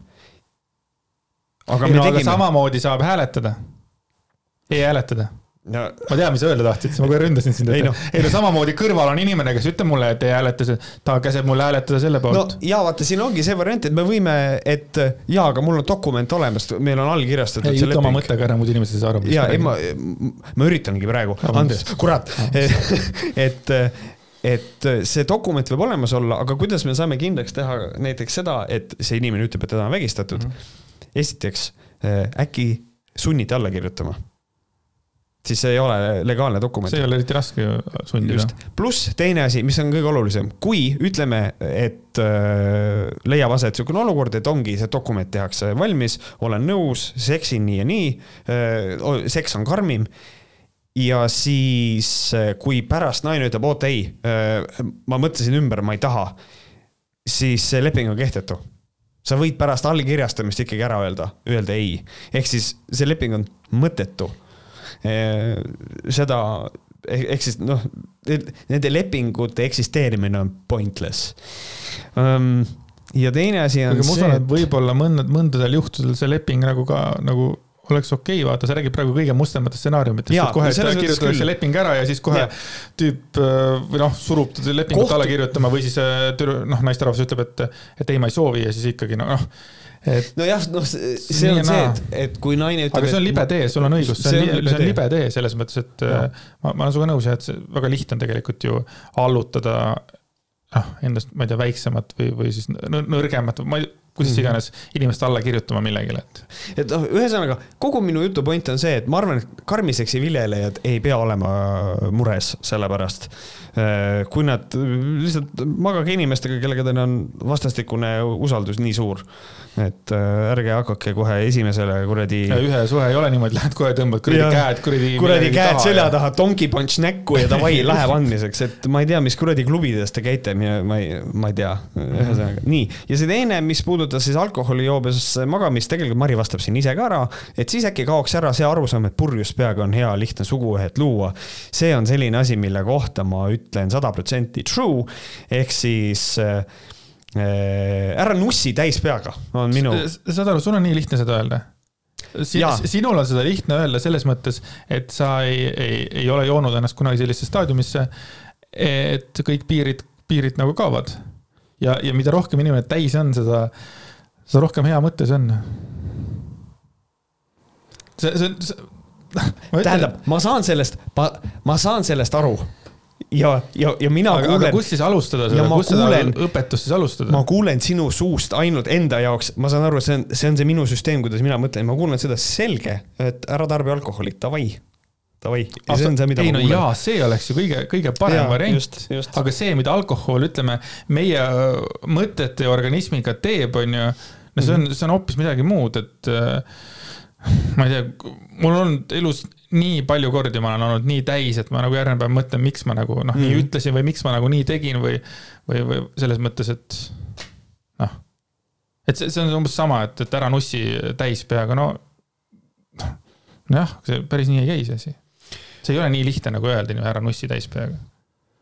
no mul ei tule ühtegi head praegu mingit head nagu kuidagi, nüüd paneks nagu paika ei noh, selles mõttes ma saan aru sellest, et, et noh, et panin pidu ja ärkasin üles, olin, olin mingi naise kõrval ja siis see naine ütleb, et kurat, et sa vägistasid mind, et noh, see on, et, et, et see on hirm, aga siis sellisel juhul on vaja see vägistamine ka nagu tõestada, on ju. ja et kas see oli vägisi ja siis äk, et võib-olla edaspidi siis no tasuks nagu kuidagi nagu seda kaaluda või, või noh, üleüldiselt ma kardan seda, et minu probleem selliste olukordadega ongi see ja ma leian, et see on täiesti okei okay,, mõne inimese jaoks on see täiesti vastuvõetamatu aga minu probleem ongi see, et me võiks nagu üldiselt vastutustund-, vastutustundlikumalt tarbida alkoholi, et mitte juua ennast sellesse staadiumisse, et ma magan suvaliste inimestega. ja, ja, ja ma tahan kindlasti toonitada siinkohal seda, et mul ei ole selle vastu mitte midagi, et magatakse suvaliste inimestega ma olen selle vastu, et me joome pildituks eh, ennast. Eh, aga ma ei usu tegelikult, ma ei usu, et Aunastega tahtis minna kuradi ma sõita kellelegi vastu või mida iganes, onju. ma ei usu, et need vennad tahtsid ka koolist välja lennata, kes väikest kanepit tegid. et mm -hmm. noh, see alati ei ole nagu mingisugune, selles mõttes nagu põhjuse tagajärg ei ole nagu ettearvatavad. no vaata, siin on nüüd see asi ka, et kui sa seda niimoodi ütled, siis mul on selline tunne, et nojah, et Aunaste ka võib-olla ei tahtnud purjus peaga sõita. Ja ka sõitis. Ta sai sellega hakkama siiski, ta tegi midagi, mis on keelatud ja teda karistati ka selle eest. ehk siis siin on nagu, ehk siis sellisel juhul võiks äh, võtta äkki siis purjus peaga sõitmist, nagu minu arust, kui, kui ma õigesti mäletan, siis mu ema vist ütles seda kunagi, et Vene ajal äh, purjus peaga sõitmine, see oli kergendav asjaolu, et loomulikult sul oli avarii, see oli purjus. Ehk siis see on kuidagi, see on sihuke, sihuke keeruline teema. ei, see ongi nii, noh okei okay,, kas me siis tuleme tagasi siis äh, selle, selle asja juurde, et umbes, et saaks selle nagu ütleme, et nagu seksuaalkasvatus ka juba nagu maast madalaks kuidagi, maast madalast kasvataks võib-olla uue põlvkonna, kes nagu sellest aru saavad, sellepärast et praegused põlvkonnad ei saa sellest aru. Mm -hmm.. Ma ei tea, kas see on siis nagu lahendus või, aga see ei ole lahendus, kui sa ütled inimesele, et, et äh, ära seksi täis peaga, no mm -hmm. palju õnne sulle siis aga noh, noh, ma, ma, ma võin seda pehmendada öelda, aga proovi mitte täispeaga nussida see on vähe sõbralikum, proovi.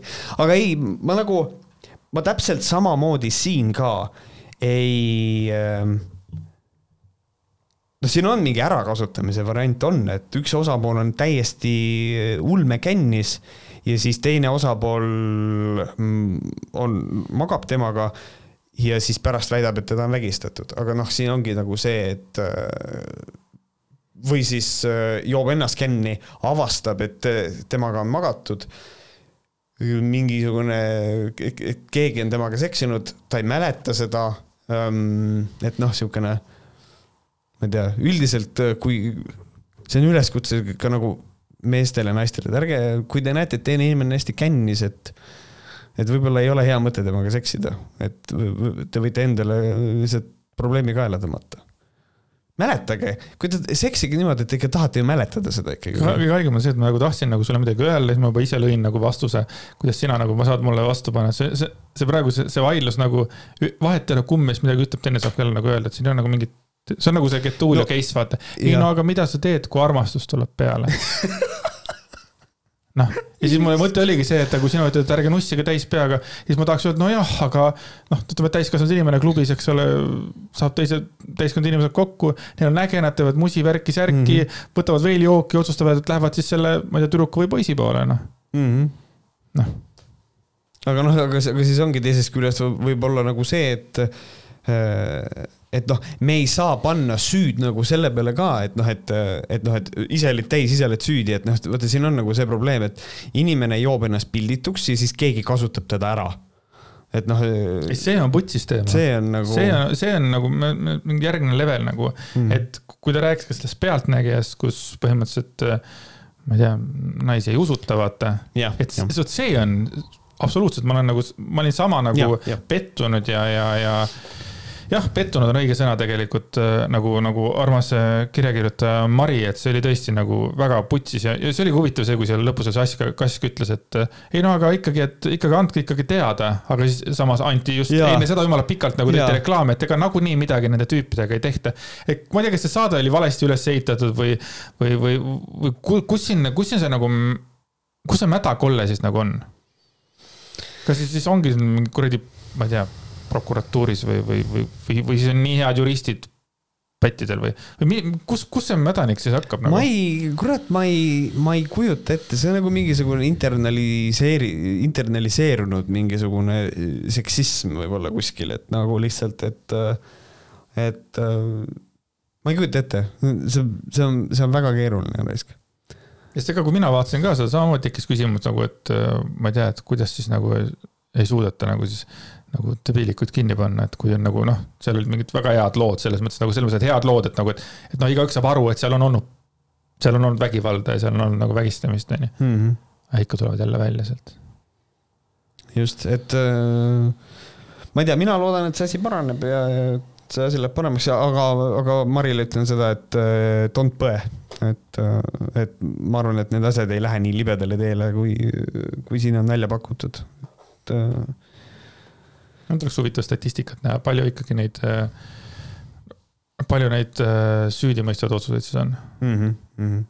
Teil on, kas me räägime nagu mingisugusest äh, mustrist nagu, et ongi mingi seitsekümmend protsenti meestest pääseb ära või, või see on ikkagi mingisugune väike protsent, meile räägitigi sellest, noh vähesest kogusest saaks no jaa, no, vaata, siin on see probleem, et me saame statistiliselt teha selle, et äh, näiteks me saame statistiliselt siuksed andmed, et kui palju on äh, naised esitanud seda, et mind on vägistatud või ahistatud seksuaalselt, siis me saame selle protsendi, kui palju mehi on mõistetud õigeks.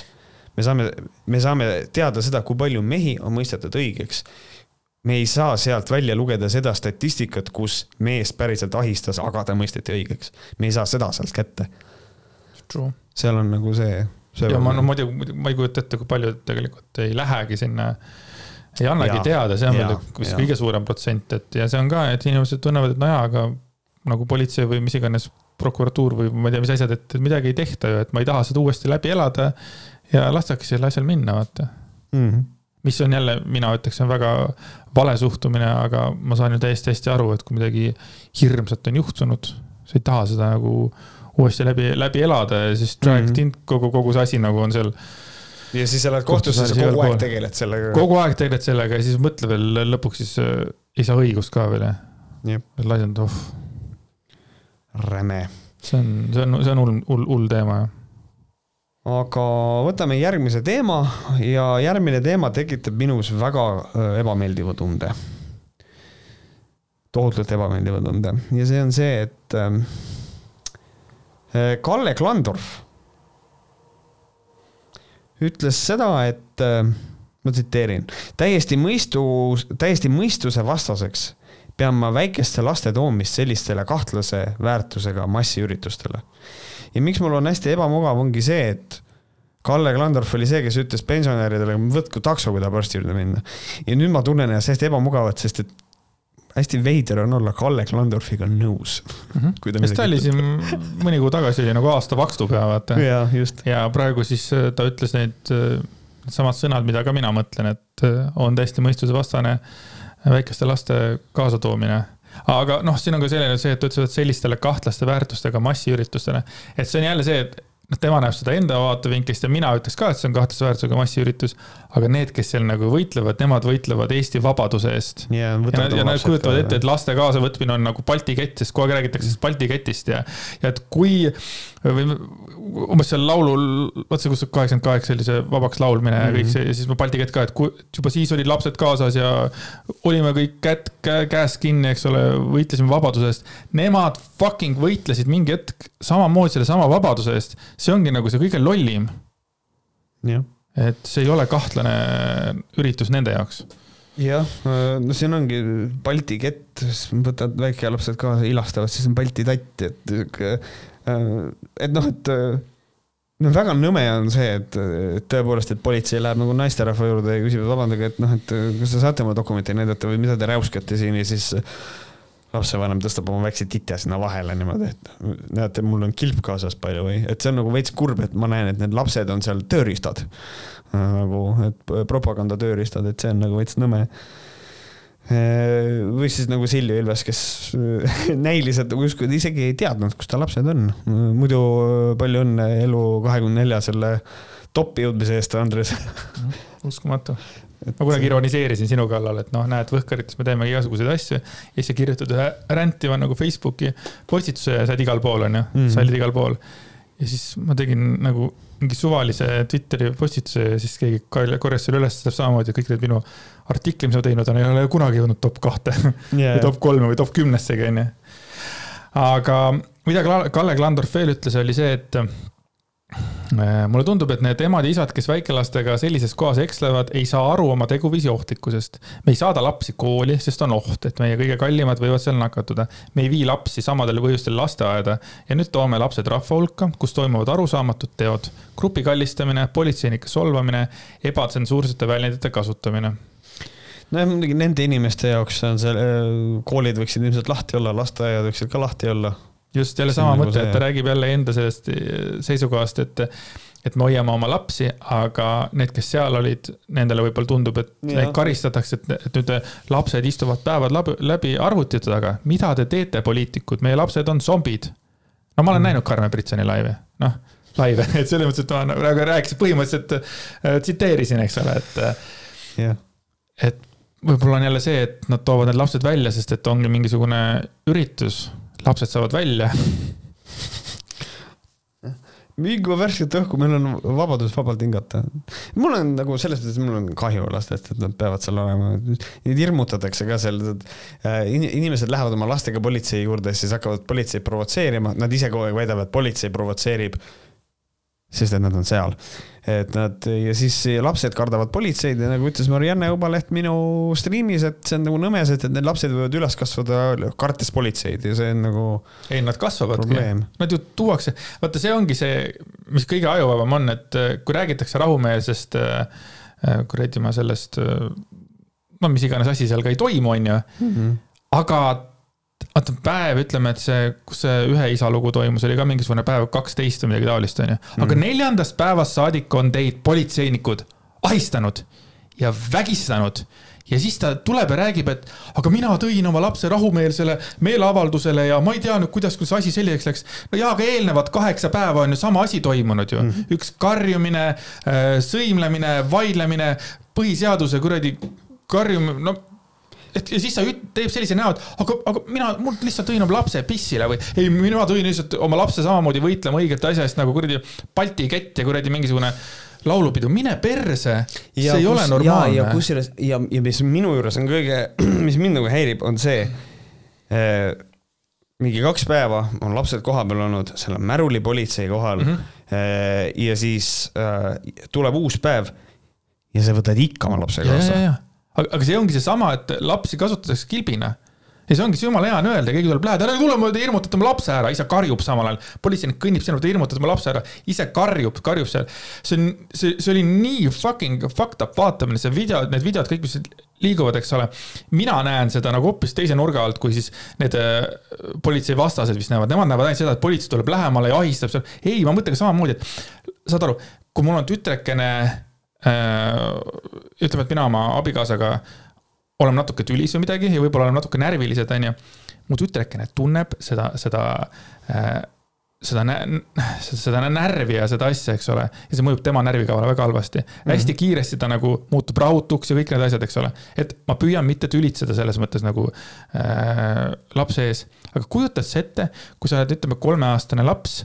Sul on kakssada inimest, kes karjuvad ja on kõik seal närvilised. Yeah.. mida see teeb selle väikese väikese ajukesega ja siis öeldakse, et, et, et, et selles mõttes, et, et politsei on süüdi ja kõik teised süüdi, aga äkki ei vea oma last äh, sellisele nii-öelda massi rahumeelsele kuradi üritusele. aga äkki ei vea, sest sa tead, mis ju toimus seal ju, see eelnevalt toimus. hea küll, teeme näo, et äh, toodi esimene päev, mõeldi, et on rahumeelne, ei olnud, okei okay,, näiti ära, kurat, see ei ole vist hea koht lapsele ärme teine päev võta, ei, jookseme mm. iga fucking kolmteist päeva seal, laps kuradi oma vankris karjume, et politsei ahistab mind.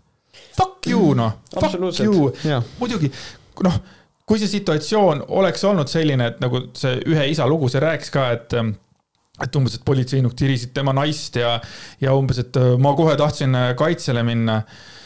selles mõttes, et ma saaks nagu aru sellest, kui see oleks päris nagu situatsioon olnud, onju. Aga enne seda ta paukus kümme minutit, karjus lihtsalt politseinike peale mm. -hmm et nagu see ei olnud nagu niimoodi, et nüüd politseinikud läksid ja võtsid selle, ma ei tea, naise loopisid paremale-vasakule laps lendas ka kaasa. ma saan aru sellest isa tundest, ma saan aru, et ta näeb, et ta näeb ohtu, aga, aga minul tekib veel küsimus, miks oht tekkis. sellepärast, et sa Sitavaares ei võtnud välja oma fucking äh, passi või mis iganes sul taskus on ja öelnud tere, mina olen, mis ta oli, Tarmo Valev või, või mis iganes ta nimi Olev. oli, Alev. Olev et ja ongi kõik ja rahumeelselt siis astu sealt, ei, minul on minu õigus, ma võin siin olla ja samas see väike kolmeaastane seal lihtsalt nutab, nutab või on õnnetu või saab praegu kuradi fuck mm., kuradi närvikahjustuse või mingi tohutu mälestuse või mis iganes asja nagu.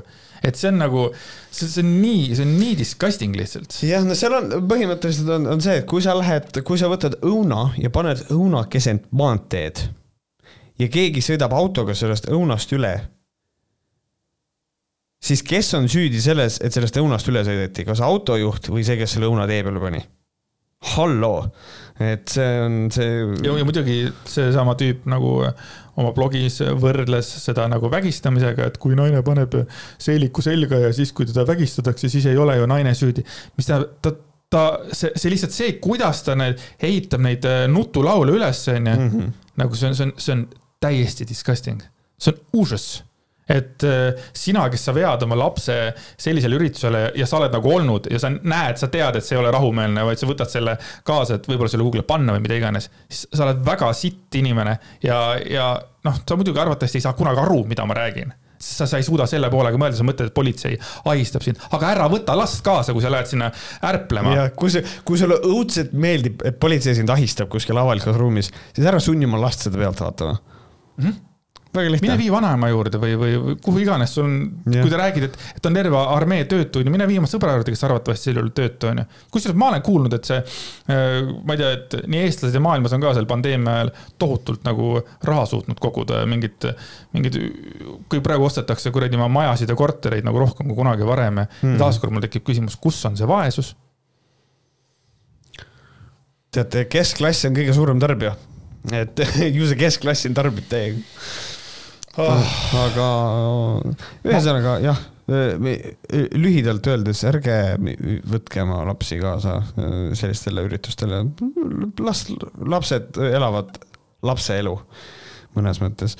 Äh, ja siis tegelikult siin isegi Merje blogi, äh, siin Merje siis võttis ka selle ühe isa lugu ehk siis Tarmo Alevi postituse läbi, tegi sellest refereeringu ja nüüd tuleb välja, et see Tarvo Alev ähvardas Merjet kohtuga.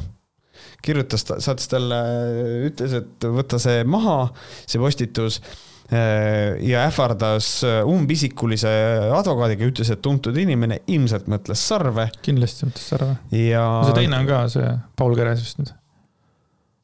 vist jah. tema nüüd ka järjest tõuseb rohkem nina pea peale just, ta, ta on selle nabiga nüüd tõusnud, ehk siis äh, minu arust Keres ei ole otseselt. kas Aivar Mäel ei olnud või? Äh, vist oli, vist oli jah, ma ei tea, ühesõnaga, võib-olla mm,. ja, ja põhimõte on selles, et äh, käskis selle postituse maha võtta, Merje võttis ühe osa sealt äh, välja äh, nagu rahu huvides. tegi ilusa vastuse ka oma Facebooki lehel ehk siis ja, ja mis on oluline see, et Arvo Alev oma video on maha võtnud Youtube'ist. et siinkohal minu tagasihoidlik arvamus on see, et Youtube'is, aga Facebookis ikka ta levib. Youtube'i video võttis maha igal juhul, et siis see, see video, millele Merje nagu viitab öö, oma selles öö, blogis, seda ei ole enam, see on tehtud privaatseks aga igal juhul see kohtuga ähvardamine ja kõik see, ma leian, et Arvo Olev on tuss mees, lumehelbeke täielik et äh, võib, ta võib oma blogis ja seal rahva hulgas kõvasti paukuda, aga mm -hmm. siis, mhm. kui keegi temale isiklikult nagu otse midagi ütleb või kommenteerib, siis on kohe. jah, et see on jälle see vana hea, et nagu kõik, kõike võib sõimata, kõike võib äh, riiki, politseinikke, kõik, kõiki võib, võib lihtsalt nagu sõimata, seista seal a la mingisugune Kaja Kallase kuradi pilt ja mobiiltelefoni number. aga siis, kui keegi julgeb nagu midagi öelda. aga ja, mitte mind. just, see on täpselt, see on Kris Kala fucking äh, case oli samamoodi riktig. Me võtsime selle teema lahti nagu kõik need tema laused, sa tegid seda pikalt, tegid striimis, pluss veel tegime äh, Võkkerite podcast'is onju. võtsime iga lause lahti ja, ja üritasime nagu, nagu selles mõttes nagu, nagu vastu vaielda või, või selgitada, et see ei ole niimoodi, onju. ja siis ta oli nii fucking sügavalt solvunud yeah., et täiesti perses nagu. see on nagu, see on nagu nii haige tegelikult lihtsalt. ma loodan, et need mehed on paremad äh,, ma loodan, et nad on paremad isad, kui, kui nad on mehed. mina loodan ka väga. et et äh, see on lihtsalt, äh, ma kasutan siinkohal täiesti teadlikult sellist hästi stereotüüpilist mehekuvandit, mille, mille nimel nad ise kõik väga tugevalt seisavad. et kui see on nüüd hea mees, siis fuck off, ei tahagi mees olla. kuradi lõpetage ära, kuradi oh,, kuradi oh,, ma lähen, ma lähen tilti, lähme võtame järgmise teema mm. -hmm. jääme natuke teemadega samasse kohta ja, ja siis, kui ja. meil see noh, kui see, kui see pull nagu algas, et politsei tuli sinna koha peale, siis hakati kohe politseinikke sõimama. As usual, alguses olid politseinikel nimesildid mm. -hmm ja äkitsi nimesilte ei olnud. äkki ei olnud ja siis äh, mina nägin, et seda Varro rääkis sellest ja siis äh, mõned teised ka, et miks enam ei ole, kas hakatakse need identiteeti varjama. ja naljakas on see, et üks minu Youtube'i kommentaar oli ka, et, äh, et politsei pildistab inimesi koha peal, et need pärast represseerida saaks. ja siis tuli välja, Kärt Anvelt kirjutas artikli, et politsei on need nimesildid ära võtnud seda ütles Marianne Ubaleht mulle ühes striimis, et miks need on ära võetud. aga need on ära võetud põhimõtteliselt sellepärast, et äh, inimesed on hakanud pommima nimeliselt politseinikke äh, erinevate äh, nõmedate kirjadega. igasuguseid ähvarduskirju ja, ja põhimõtteliselt ehk siis see, milles süüdistatakse politseid, seda teevad tegelikult need inimesed ise. sealhulgas on hästi palju siis väidetavalt eh, need elusaid inimesi, mis on see sekt, millest me oleme korduvalt põgusalt ka rääkinud. ehk inimesed, kes arvavad ähm, see tuleneb sellisest Ameerika liikumisest nagu sovereign citizen, mis eeldab seda, et sa oled lollakas ja ei oska seaduseid lugeda. mis tähendab seda, et need on inimesed, kes leiavad, et nemad ei kuulu riigile ja et nad on riigist väljaspool. üldiselt on selline tarkus, et kui, kui on inimene, kes on seadustest eraldi, siis see inimene on ohtlik aga kui sa arvad, et sa oled seadustest eraldi, siis sa oled lollakas. kuule, oota, ma korra, korra, mul, mul hing, hing jäi praegu kuradi valusaks, noh. nii uh, kui ma mäletan, et Krista Fish äh, äh, tõmbas üles siis selle mingisuguse meeme peale, meemi peale ja tahtis vist, et äh, keegi jurist ühendust võtaks, et nagu seda meemi hakata, onju, taga ajama seda püüdlust ja värki-särki. ja siis on veel, ta võtab pidevalt sõna ja süüdistab nagu mingit asja. aga minul on küsimus selles, kas kapo või keegi on tegelenud sellega, et Krista Fish sõna otseses mõttes kutsus inimesi nagu rahutustele või? See oli enne seda, kui see asi nagu, kui, kui nüüd need rahu, noh, need rahumeelsed massiasjad seal toimusid. ta kutsus inimesi päriselt äh, rahutustele, mitte alluma politsei, politseile ja ära riigile. ära allu politseile. kõik sellised asjad ja mul on küsimus, kas see vend on ka kapo, kapo listis või? Ma ei tea, võib-olla on, kuigi mina juba ise ütleks seda, et see ei olnud üleskutse mässule, sellepärast et ta lihtsalt üldiselt ütles inimestele, et ärge alluge riigile ja politseile, see ei olnud nii suur mässu ülesehitamine kui mingisuguse mentaliteedi levitamine, et iseenesest kas ta on kapo, jälgib teda ma arvan, et kapo jälgib inimesi, kellel on päriselt mingisugune tõsisem, tõsisemad kavatsused. et kui William Koval tahab äh, teha ja, seda, et see, et see, pigem, et see on pigem nagu siis. ega me ei tea, kas Kovalit. jälgimist väärt või? mul on nagu lihtsalt see kogu see ühe isa lugu ja kõik need nagu, mul lähevad nagu sita keema see lihtsalt, kuidas see, kuidas see klähvimine käib ühepoolselt kogu aeg kui keegi julgeb ühe sõna natukenegi öelda vastu või noh, mõnele kitsaskohale nagu näidata välja, siis on nagu kuradi ah, Fuck. Fuck indeed aga tagasi minnes siis nende kirjade saatmise juurde, ehk siis selle taga on niisugused elusad inimesed, mis on, nad arvavad, et nad on kuidagi seadustest eraldi. Nad on äh,, usuvad seda, et riigid on tegelikult äriühingud ähm,. et ühesõnaga, noh, kanti veidrike ühesõnaga ja siis nemad on hakanud politseinikke siis psühholoogiliselt põhimõtteliselt mõjutama. noh, me võime seda öelda, sellepärast et noh, kui sa saadad inimestele mingeid mõnitavaid kirju ja igapäevaselt, siis noh, tegelikult see on väga suur ikkagi noh, pinge politseinikule. ehk siis tegeletakse sellise asjaga, et ei ole ainult niimoodi, et minnakse siis Toompeale ja siis seal plõksitakse mentidega, ei, vabandust, ei tahtnud mente öelda, see on kole, politseinikega ehm, aga see politseinik läheb õhtul koju ja siis tal on postkast ka veel täis. et see on niisugune, ka küberkius on seal, sealhulgas, mis on päris, päris nõme. ja taaskord need inimesed, kes arvavad, et on õige lihtsalt sõimata seda politseinikku, need jälle ei näe seda nagu teist külge, et, et politseinik teeb oma tööd, on ju. Mhm. ja, ja politseinikul on samamoodi oma elu ja oma lapsed ja, ja, ja, ja see nagu kuidas, kuidas on võimalik näha ainult ühepoolselt kogu seda asja, ise käies, karjudes seal ja igapäevaselt provo-, provotseerides rahumeelseid neid. no see Elvise lugu oli ka muidugi naljakas, mis seal stream'is oli, et mm, -hmm. et, et nagu ma aru sain, siis, et politseinikud olid ühe naisterahva ümber, kus oli ka lapse käru. muidugi. muidugi, sest iga, alati tuleb minna lapse käruga sellistesse üritustele, jätke meelde.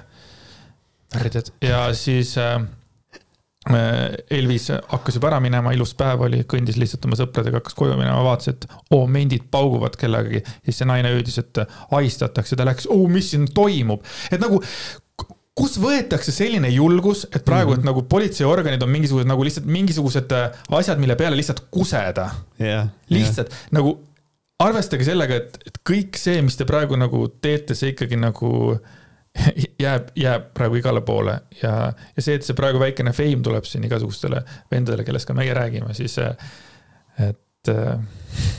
jah, siin ja. on nagu see, et mõnes mõttes, et see fame, et nagu me peame nendest rääkima, et inimesed nagu saaksid aru, et noh, need inimesed on veidrikud, et ja siis see Elvis oli nagu ja ma siiamaani ei tea, miks mind, miks mu käest dokumenti küsiti, miks mind kinni panetati, sest et sa tõkestasid politsei tööd, tampfuck et see on hästi kerge ja, ja siis väidetavalt Elvis ise ütles videos ka, et ta räägib advokaatide, juristidega kõik ja mina olen nagu, see on, see on sellistele juristidele, kes tahavad raha teenida, täielik filtei, sellepärast et nende poole tuleb Elvis. kuule, äh, mul on abi vaja, juriidilist abi. mida see nende jaoks tähendab, on see, davai. jah, money. see on raha, et selles mõttes ma ei pea võitma kohtus ma annan sulle, küsin tunni, küsin kuradi raha, esitan sulle arve, sa maksad selle kinni pärast. kaotajad ikkagi peavad maksma, et nagu selles mõttes davai, see on noh, see on, et, et selles mõttes, mõnes mõttes ei saa juristi peale olla pahane ka, sest et noh, kurat, praegu ei ole nagu tööd, on ju, mhm. nüüd on hea võimalus raha teenida. ei, mina arvan küll, et kõik, nii Elvis kui need ülejäänud, kaevake kõik kohtusse proovige, proovige seda, vaadake seda süsteemi ja siis te saate hiljem olla veel vihasemad selle süsteemi peale. kui te juhuslikult ei võida, jah, te saate Just. hakata jälle karjama, kuidas teid politsei vägistab, aga te maksate ka päris mitu tonni. võib-olla isegi, võib-olla isegi kümneid. jah, kümneid tonni, Alari Kivisaar tahab siiamaani seitsekümmend tonni saada. see summa on väiksem tegelikult. vahet ei ole, sest nagunii räägite nagu see, see, see summa. aga ta tahab ikkagi. jah, et ma just, et tuleb meelde korra tuletada, et seitsekümmend tonni vist juba nagu küsiti. oi, me ei saa üldse seda maski või selle politseiniku juures praegu püsida oota, me räägime nagu me räägime, räägime nendest politsei ähvarduskirjadest onju yeah.. ikka läheb sinna kuradi. nojah, sest see teema on sama, see on seesama punt inimesi, need, kes arvavad, et kuradi, ainult et siin on veel hullud, sest nad arvavad, et riiki ei ole olemas. Need on need inimesed, need on need kuradi common law court'i, need sovereign citizen, elusad inimesed, et riigid on äriühingud. nemad siis nagu ikkagi nagu need, kes saadavad neid kirju või? kas need mm -hmm. või nemad on seal kohapeal ka ja me lihtsalt ei tea, et nad on elusad inimesed, sellepärast et noh. ma arvan ei..., ma arvan, et kohal on kindlasti, mulle tundub, et äh, ma ei tea, kas Vei Veiko Huuse on selle elusate inimeste kuradi sekti liige või ei ole aga ma arvan, et seal on neid kohapeal ka kindlasti, seal on kohapeal kõik igasugused erinevad kuradi eh, rühmitused on välja tulnud, ma, ma arvan, et meil on isegi kohalik ISISe sektor on seal kohapeal olemas lihtsalt sellepärast, et näidata ennast. ja ma olen, ja kuna see on Eesti, siis see kohalik ISISe sektoris, et seal on ka valge mees, ma olen täiesti kindel. et lihtsalt, see lihtsalt ajab mind oksele et ühesõnaga, ega siin rohkem midagi, ega siin rohkem midagi ei olegi tegelikult nende kirjade kohta ka rääkida väga võib-olla lähme selle faktikontrolli peale. Läheme jah. et siis. ei saanud selle eelmise teema kuidagi teemasse jääda. jah, see noh. ärge saatke politseinikele sõimavaid message'id ja nagu ma aru saan, saavad ka need politseinikud, kes seal tööl ei olnud, et nüüd iga, igaüks, kes on nagu äh, politsei või siis ment nüüd saab siis nagu niiviisi tolvab. mina päriselt äh, hoian väga pöialt ja toetan väga Eesti politseid äh, selle jama haldamisel, noh mm -hmm ja ütlen, et te teete väga tubli tööd. et, äh, et pidage vastu.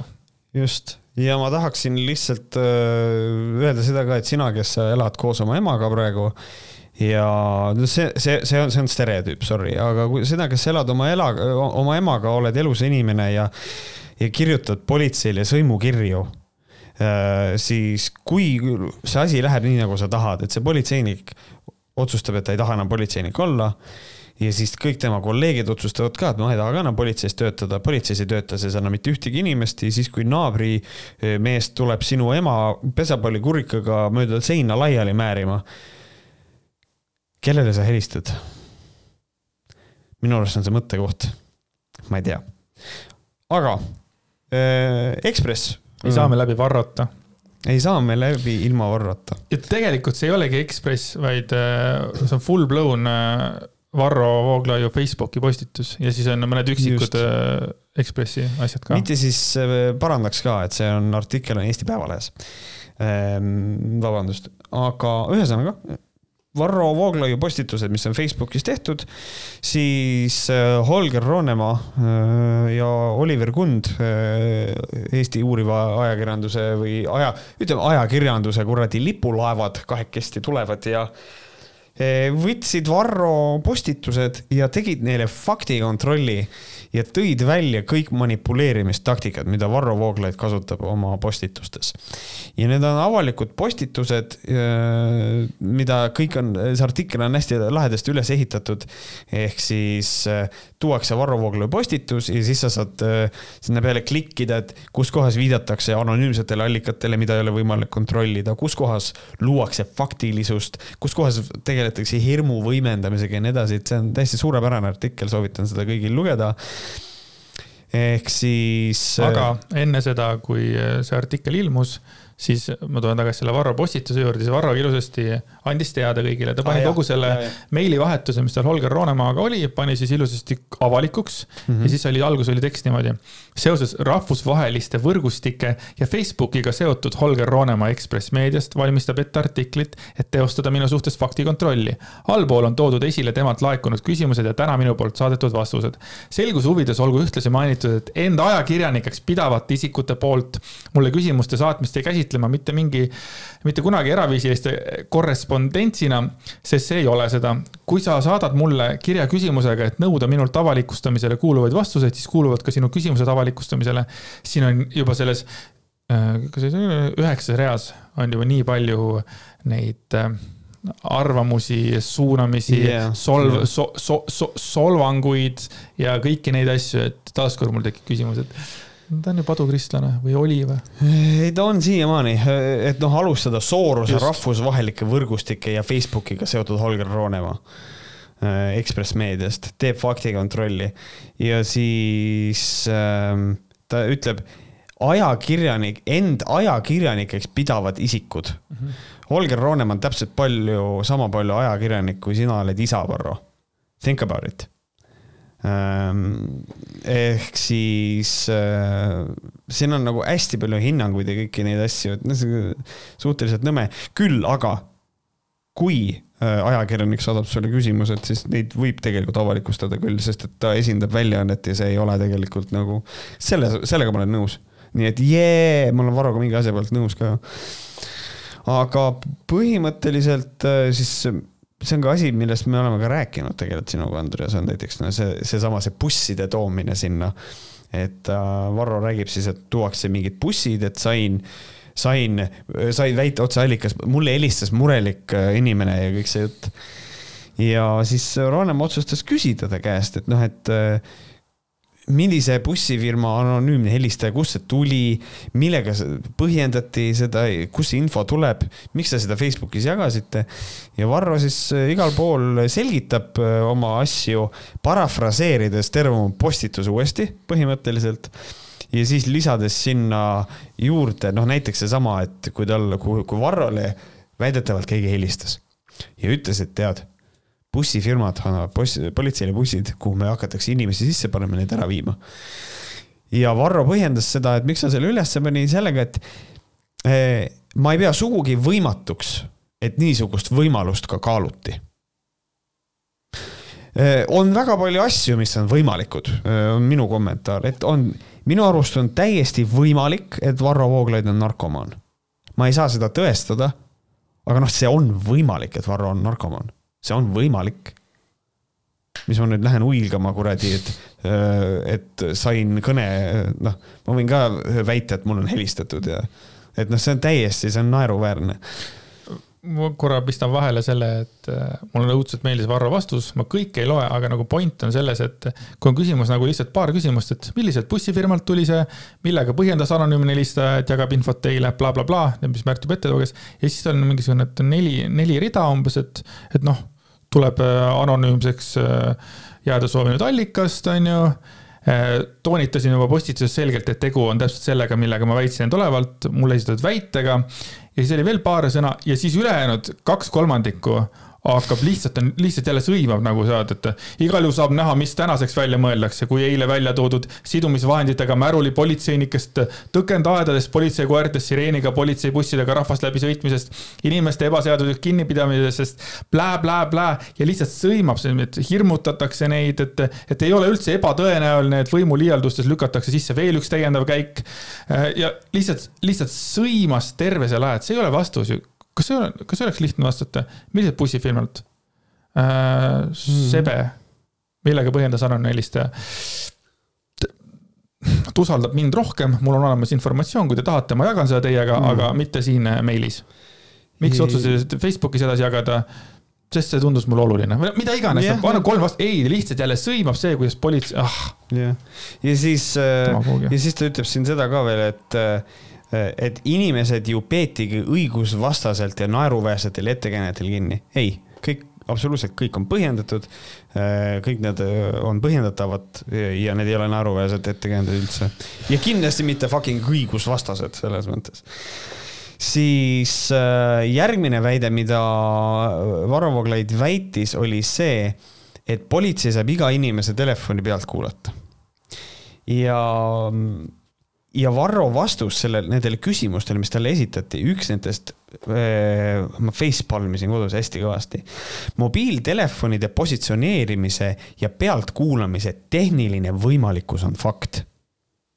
ütleb Varro Vooglaid ehm,. jah, ma olen nõus, aga fakt on äh, selles, et see on võimalik. see ei tõesta seda, et seda tehakse väga lihtne, väga loogiline, välja arvatud Varro jaoks. ehk siis kuna Varrol on nagu see suhtumine, kui mingi asi on võimalik, ergo seda tehakse kogu aeg. Äh, ehk mm. siis noh, ma ei tea. Äh, on, on väga palju asju, mille tehniline võimalikkus on fakt, näiteks see, et see on, see, Varro Vooglaid, näiteks kui ta on narkomaan see on võimalik ja see võimalikkus on fakt.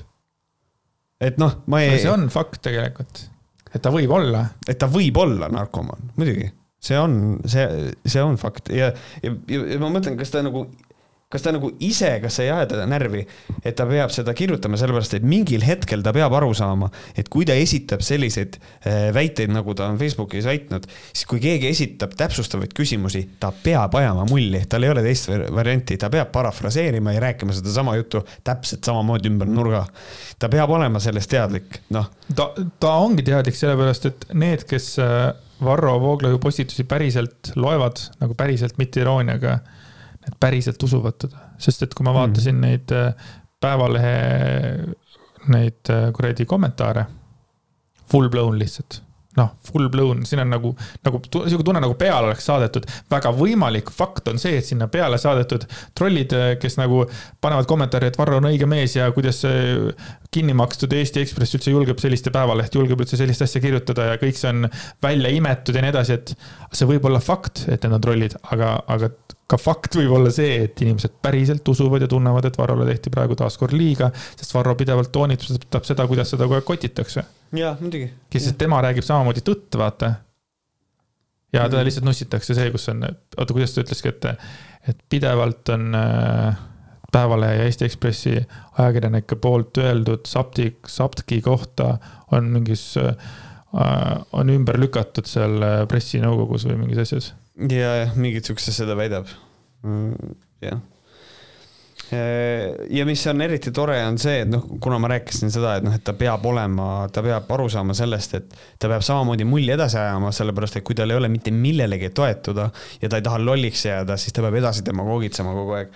ja siis ta lihtsalt äh, selles samas küsimuses, ta vastuses kirjutab, olen kuulnud vahetult patrullis käivat politseinikult, kes on mulle rääkinud, kuidas just selle info alusel ja nii edasi. ühesõnaga, ta toob sisse järjekordse anonüümse allika, mida ei ole võimalik kontrollida mm -hmm., noh. vahetult patrullis käivalt politseinikult. et see on. aga mis üldse oluline see on, et vahetult, olen kuulnud vahetult patrullis käivalt politseinikult, mis see tähendab üldse no.? kas ta just tuli, tulivad patrullilt, see, see politseinik, või ta vahetult patrullis käis? no jah, no point on ühesõnaga selles, et ta tõenäoliselt mõtles välja ühe politseiniku, kes ütles talle, et jaa, me saame jälitada inimesi. et noh, see on see on nii otseselt. aga see on, aga saad aru, see on jälle meile nii loogiline. või noh, see, see kõik see, vaata, see lause lahti võtta ja mm -hmm. nagu, mhm. see on nii ajuvaba. jah ja siis äh.... oota korra, ma ütlen ka veel, et keskkriminaalpolitsei juht Aivar Alavere ütles selle kohta, et, et nüüd teile ka infoks, et politsei tohib telefoni positsioneerida ainult seadusega ette nähtud juhtudel. eelkõige tehakse seda korrakaitseseaduse alusel kõrgendatud ohu väljaselgitamiseks või tõrjumiseks. näiteks kui maastikul eksinud või kadunud inimese elu võib olla ohus või kriminaalmenetluse seadustiku järgi prokuratuuri loal raskete kuritegude uurimisel. Need kuriteod, mille puhul jälitustegevus lubatud on, on seadusandja poolt kindlasti määratletud politseil ei ole juurdepääsu sideandmetele, vaid saame vajadusel teha loa alusel sideettevõtjale päringu konkreetse andmete saamiseks. just, ehk siis, see on sitaks oluline, politsei ei saa võtta arvutid lahti ja vaadata, kus sa hetkel oled.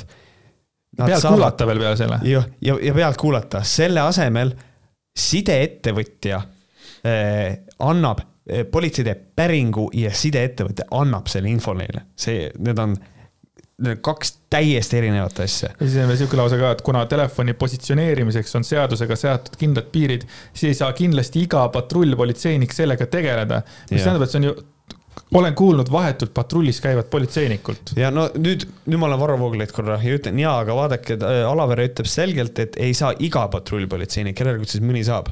Boom aga, aga põhimõte on, aga põhimõttes, põhimõtteliselt küll jah, et mingi suvaline patrullpolitseinik ei sõida, ei, ei, ei tõmba tee äärde ja siis vaatab, nii kus Varro on huvitav. ja kõik positsioneerimised logitakse ning logid on olemas nii sideettevõttes kui ka Keskkriminaalpolitseis. just, et tegelikult. nagu aga. asju on võimalik kontrollida. aga see Varro puhul on see ka hästi naljakas, et ta lihtsalt nõuab kogu aeg, et kõik temale vastaksid ja kõik nagu ta on nagu mingi, ta on nagu mingi Walker Texase korravalvur et tema lihtsalt, tema lihtsalt nagu ütleb ja kõik peavad temale vastama. vaata, kui keegi ei vasta jälle mingile meilile, saadab jälle meili mm., et ma ei ole vastust saanud, et te peate vastama mingid sellised. kelleks ta nüüd ennast, kas tema on praegu jumala asemik siin maa peal või? kas ta on kaotanud reaalsustaju um,? ma arvan, et ta teeb oma kuradi tööd lihtsalt väga hästi. Ta, ta pani neli postitust täna Facebooki, kõik needsamad äh,, vaata need faktikontrolli asjad mm, -hmm. kõik need on nüüd nagu ongi nagu faktikontrollina nagu maha võetud, neid postitusi ei ole enam ausalt ka? ja, ja, ja, et kui sa paned Varro postituse, siis ta tulebki täpselt, ta räägib jälle sellest, et kui keegi suudab sulle ära selgitada, kuidas need on valeväited, ja siis on nagu screenshot'id sellest, et need on umbes false information. et, et, et täna ta on päev otsa sellega tegelenud ja siis ta saatis nendele Holger Nooremaale nendele kirja ja kutsus neid endaga debateerima ja nii edasi ja põhimõtteliselt noh oh,. seda ma tahaks näha. ta laias laastus nõuab seda. kuidas ta saab niimoodi nõuda või, või kes ta on? tea aga, aga, aga, aga mulle ei meeldi, et sa nimetasid teda Texase kollaoruriks. sest et Volker oli, Volker tegi roundhouse kick'i, Varro ei tea roundhouse kick'i. sa ei tea seda? Mina sain teada, et Varrol on relv kogu aeg taskus või ta ütleb, sorry, vabandan, ma olen kuulnud. et ta, ei tegelikult, et ta ütles, et tal on relvaluba, on ju. Mhm. et noh mm -hmm et temal on kogu aeg relv nagu kaitseks olemas yeah,. no ma, aga ma ei, nagu ei teadnud seda, ütleme kolm nädalat tagasi, ma ei, ma ei mõelnud selle peale, et. juhul kui tuleb liberest wants to inject ja siis, his family with the gay. ja siis äh, Lobekase Voolaid saates, Vooglaid saates oli ka see, et äh, siis Lobekas ütles, et tal on ka relv nagu, et tal on ka relvaluba saad aru, Varro oli sama astonished as, as I was, et mul oli niimoodi, et vau wow,, et tegelikult ka, et, et kas kõigil on nagu relva, relvaload või ja siis Varro ütles ka, et aga äkki läheks nagu laskma või midagi koos ja siis Paul ütles ka, et no jaa, ikka noh, et, et ikka nagu sinna tiiru on ju, jah, tiiru on ju. aga et ma nägin kohe ka, kuidas Varro nagu see, nagu see Ahto Robeka vastu see austus kasvas, ma nägin seda läbi, läbi kuradi ekraani, ma ei näinud seda nagu pilti, vaid ma kuulasin mm. -hmm. et va, sul on ka olemas nagu yeah. relvaluba. see ongi, vot, vot siin ongi nüüd see, millest paljud inimesed jälle minu arust aru ei saa, on see. kui inimene ütleb, et ta on väga liberaalne siis selle inimese jaoks ongi okei okay,, kui inimesel on relv. sest tal on õigus see, see relv osta. vastupidi, kui me, kui me võtame inimestelt ära õiguse omada relva, siis me võtame neilt ära mingi õiguse, mis on autoritaarsem ehk siis vähem liberaalne. ehk siis nagu see nagu selles mõttes noh. ma, ma ei imesta, et Lobjakal on relv. ma üritan praegu nagu läbi, nii kiirelt seal lauses, ma üritan praegu seda seedida veel et, et ühesõnaga, et põhimõtteliselt, et kui me võtame inimeselt ära õiguse omada relva mm, -hmm. siis me võtame talt ära mingi õiguse. Ergo see ei ole liberaalne. ehk siis relva omamine on väga liberaalne asi, kui me lubame inimestel relva omada. aga me oleme ammu näinud seda, et minu arvates nagu meie liberaalidele, liberaalidena oleme palju nagu kuidagi rohkem tahaks reegleid ja piiranguid kui konservatiivid mingites kohtades mingi,. no, no mis no, praegu populaarsed asjad on. sotsiaalsfääris küll jaa, aga noh, näiteks mingi relvalubade nagu noh, näiteks relvade koha pealt on mõned inimesed konservatiivsemad, leiavad, et seal on, võiks olla vähem liberaalsust.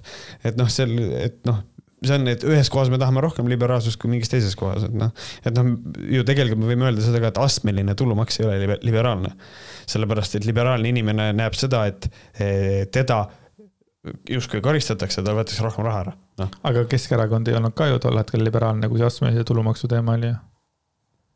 ta ei ja. olnud Savisaare ajal ikkagi nii liberaalne nagu, nii kui see, nii kui Ratas tuli nagu ja, kohe kõik, see nagu küll muutus, noh, pätid olid ikka pundis, aga True. aga küsimus sulle, et eh, mis sa arvad sellest relva omamise teemast, on sul mingisugune seisukoht ka sellele, ei ole? minu üldine seisukoht on see, et mida vähem meil on ühiskonnas relvi, seda ohutum meil on mm, -hmm. mina ise leian seda. aga kuna relvad on meil ühiskonnas olemas, siis mina leian seda, et relva omamine on okei okay aga ma leian seda, et me võiks lisada sinna selle, et inimene peaks käima, me vist oleme rääkinud ka sellest, et inimene peaks käima ülevaatusel, et, et talle tehakse tihtipeale nagu kontrolle ka tema vaimsele tervisele, mis on minu arust hästi oluline, aga üldiselt äh, ma arvan seda, et me ei peaks hakkama inimestelt relvalubasid ära võtma. Uh -huh.. huvitav, palju tal on Eestis, palju see relva nagu salaomamine või salarelva omamine on nagu, kui populaarne see on nagu siin? minu, minu vaatevinklist tundub, et arvatavasti mitte eriti suur, aga kui ma nüüd järjest saan teada, et kõikidel on relvaload, siis mu mind on juba blown nagu. Yeah.. et juba, kui see on nagu nii tavaline on juba seda omada, seda luba või siis noh, relva ka siis arvatavasti jah. ma ei tea. ja nii, aga lähme jälle tagasi teema peale. Varro äh, faktikontroll, küsimus number kolm. Äh, ehk siis äh, Varro oli öelnud oma postituses, et keegi suri kümme minutit pärast vaktsiini haiglas ja no ütleme, et asi lükati kalevi alla ja see on mul lemmik äh, asi, sellepärast et Varro vastus, jah, tõesti, ta tegi postituse, et äh, jälle mingi minu tuttav, ei -hmm. minu tuttav või ma ei mäleta, kas see oli kolmas tuttav siis või ühesõnaga, et, et keegi sai vaktsiinisüsti, suri ära äh, ja siis. ja miks sellest ei ole räägitud ja ta-ta-ta-ta-ta. just ja Varro vastus äh, oli selline, et info laekus tuttavalt, kes ei ole nõus tema isiku avaldamisega, täpsemaid asjaolusid ei saa kahjuks jagada, kuna seda ei soovinud inimene, kellelt info pärineb. ma ei saa aru, kas on veel võimalik kuidagi rohkemate sõnadega öelda, et inimene soovis jääda anonüümseks. info laekus tuttavalt, kes ei ole nõus tema isiku avaldamisega, täpsemaid asjaolusid ei saa ma kahjuks jagada, kuna seda ei soovinud inimene, kellelt info pärineb. see on suur mull lihtsalt. see on, et see on hästi suur mull, aga jällegi noh, see on, ta nagu rii, ta nagu seletab uuesti asja, mis tegelikult oli ta blogi, blogi nagu Facebooki postituses ka juba olemas. ja ma olen siia teinud märke, kus kohas ma ütlen Varro kohta, et Varro, sa oled kasulik idioot. ehk siis ma leian, et see on võimalik, et Varro täiesti siiralt usub seda, et keegi helistab talle ja räägib seda lugu. täiesti, aa ongi nii või? traa, sest et ta teab, et Varro paneb selle Facebooki ja sul ei ole vaja rohkem olla, kui olla. tere, ma olen meedik, ma olen väga mures tead, tead Varro, sihuke asi juhtus ja siis ta lihtsalt postitab selle, et täiesti sihuke kasuliku idioodi võimalus on siin olemas.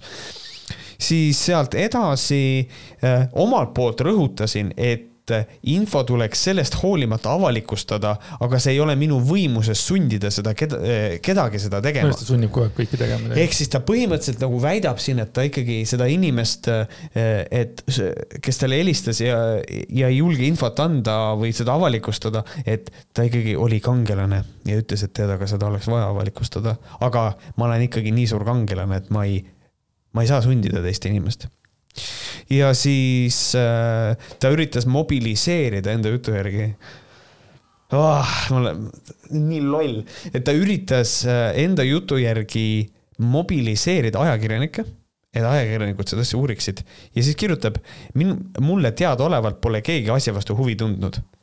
ja siit tuleb minu tänane põhiküsimus, kust sa tead, et ei ole? ajakirjanikud tõenäoliselt küsisid vastavate isikute käest ja siis tuli välja, et aa, see on fake news. Never mind ja läksid päris tööd tegema.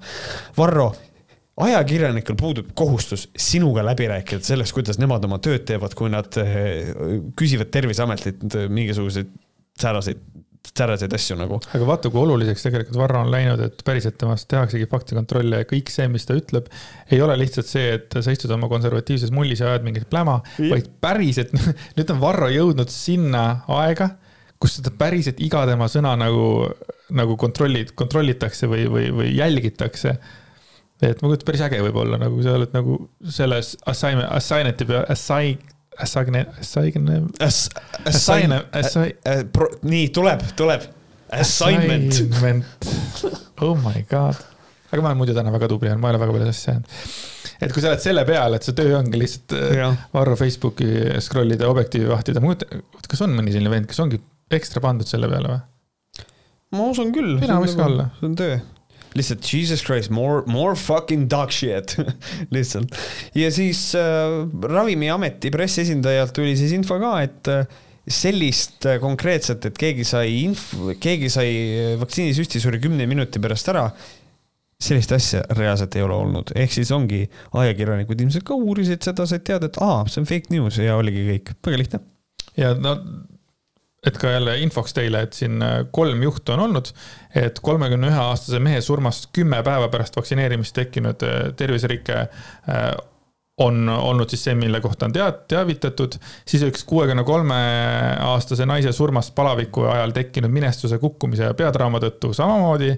ja siis kuuekümne üheksa aastase tõsiste kaasuvate haigustega mehe surm kolm, kolmandal päeval pärast esimest vaktsiini annust jah, ja siis neljakümne viie aastane mehe surm ka üheksateist päeval pärast teist vaktsiinidoosi, aga see, et inimene sai vaktsiini ja kümne minuti pärast viskas äh, jalad taeva poole. see on täielik äh, jura jah. aga ma kuulsin, keegi kuskil mulle ja, ütles. aga keegi kuskil jah, just ja siis ma olin ja siis ma otsustasin, täna ma olen kasulik idioot ja ma postitan selle Facebooki. ja jälle viha on külvatud, veel rohkem inimesed arvavad, et kõik mässitakse sinna. jah Poolas, Poolas plaksutatakse käsi, öeldakse hea töö.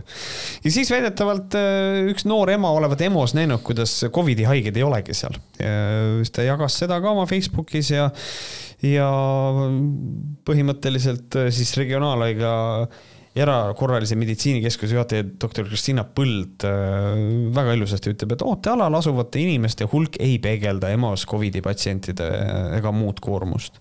ehk siis haiglas on kõik asjad üle korra-, ümber korraldatud, et sa EMO-s ei näegi hunnikus koroonahaiget, see on, see on meil niimoodi tehtud. ühesõnaga faktikontroll on Varrole tehtud, Ekspressi poolt Varro on selle peale ka pahane sellepärast et Ekspress apparently on mingisugune sooruse käpiknukk meil Eestis mul on Varrost kahju. ta oli, ta ikka ei saa üldse rahulikult olla või ta võiks lihtsalt kodus istuda RuneScape'i mängida kaks päeva, see oleks ka tore. jah, nähes see amount of postitused, mida ta teeb ja, ja artiklid ja, ja saated igale poole, et siis ta on ikka hästi-hästi-hästi pisi, mul on tunne, et tal on rohkem tunde kui kui nii mõnelgi meil. ma arvan, et ta ikka Kuivõrd, nagu... Sapkis ikkagi täie raha eest töötab, et äh, palganumber on, on ilmselt täis ja et selles mõttes ma arvan vähemalt, et äh, mõnes mõttes on nagu huvitav see, mismoodi me oleme liikunud, et äh, millega need võhkerid on siis pidanud nagu tegelema, on see, et oh, me rääkisime siin poliitikutest ja asjadest ja nüüd me lihtsalt juba mitmendat korda järjest istume sellest, et räägime, kui fucking lollid on inimesed lihtsalt nagu lihtsalt see kuradi tervese meeleavalduste asi on lihtsalt nii jabur minu jaoks, et mul läheb tuju ära viskad minema. Mic drop jah, see saade ei tulnud üldse selline, nagu ma nagu arvasin, sest ma ei suutnud üldse ennast hoida nagu vaost. jaa, äh, õnneks, äh, õnneks aga, aga see oli entertaining, vähemalt mul oli kuulata, oli tore, et selles mõttes mul on, mul on hea meel. kui teil oli ka äh, hea meel meid kuulata või tore, siis, siis, siis äge raisk Sorry. Angry Logic oli mul siis täna. jah, Andreas Angry Logic. aga, aga ma kuulsin, et äh, mind üritati parandada vist äh, mingisugune, et äh, ei ole suured tänud, vaid on mingi tänu või? et on suur tänu jah, et tänu on ainsuses. ja, ja, ja, et suured tänud teile kõigile ja järgmise korrani ja Just. muidugi võhkerid.gmail.com. Teie kirjad on väga oodatud, me võtame need täiesti läbi. Õ on siis kuus õhkretk.gmail.com mm -hmm., www.patreon.com kaldkriips vohkarid. seal on sihukest kontakti, kontakti. seal on sihukest content'i Content'i, et see on nagu lausa maasikas, nagu Märdile meeldib see sõna.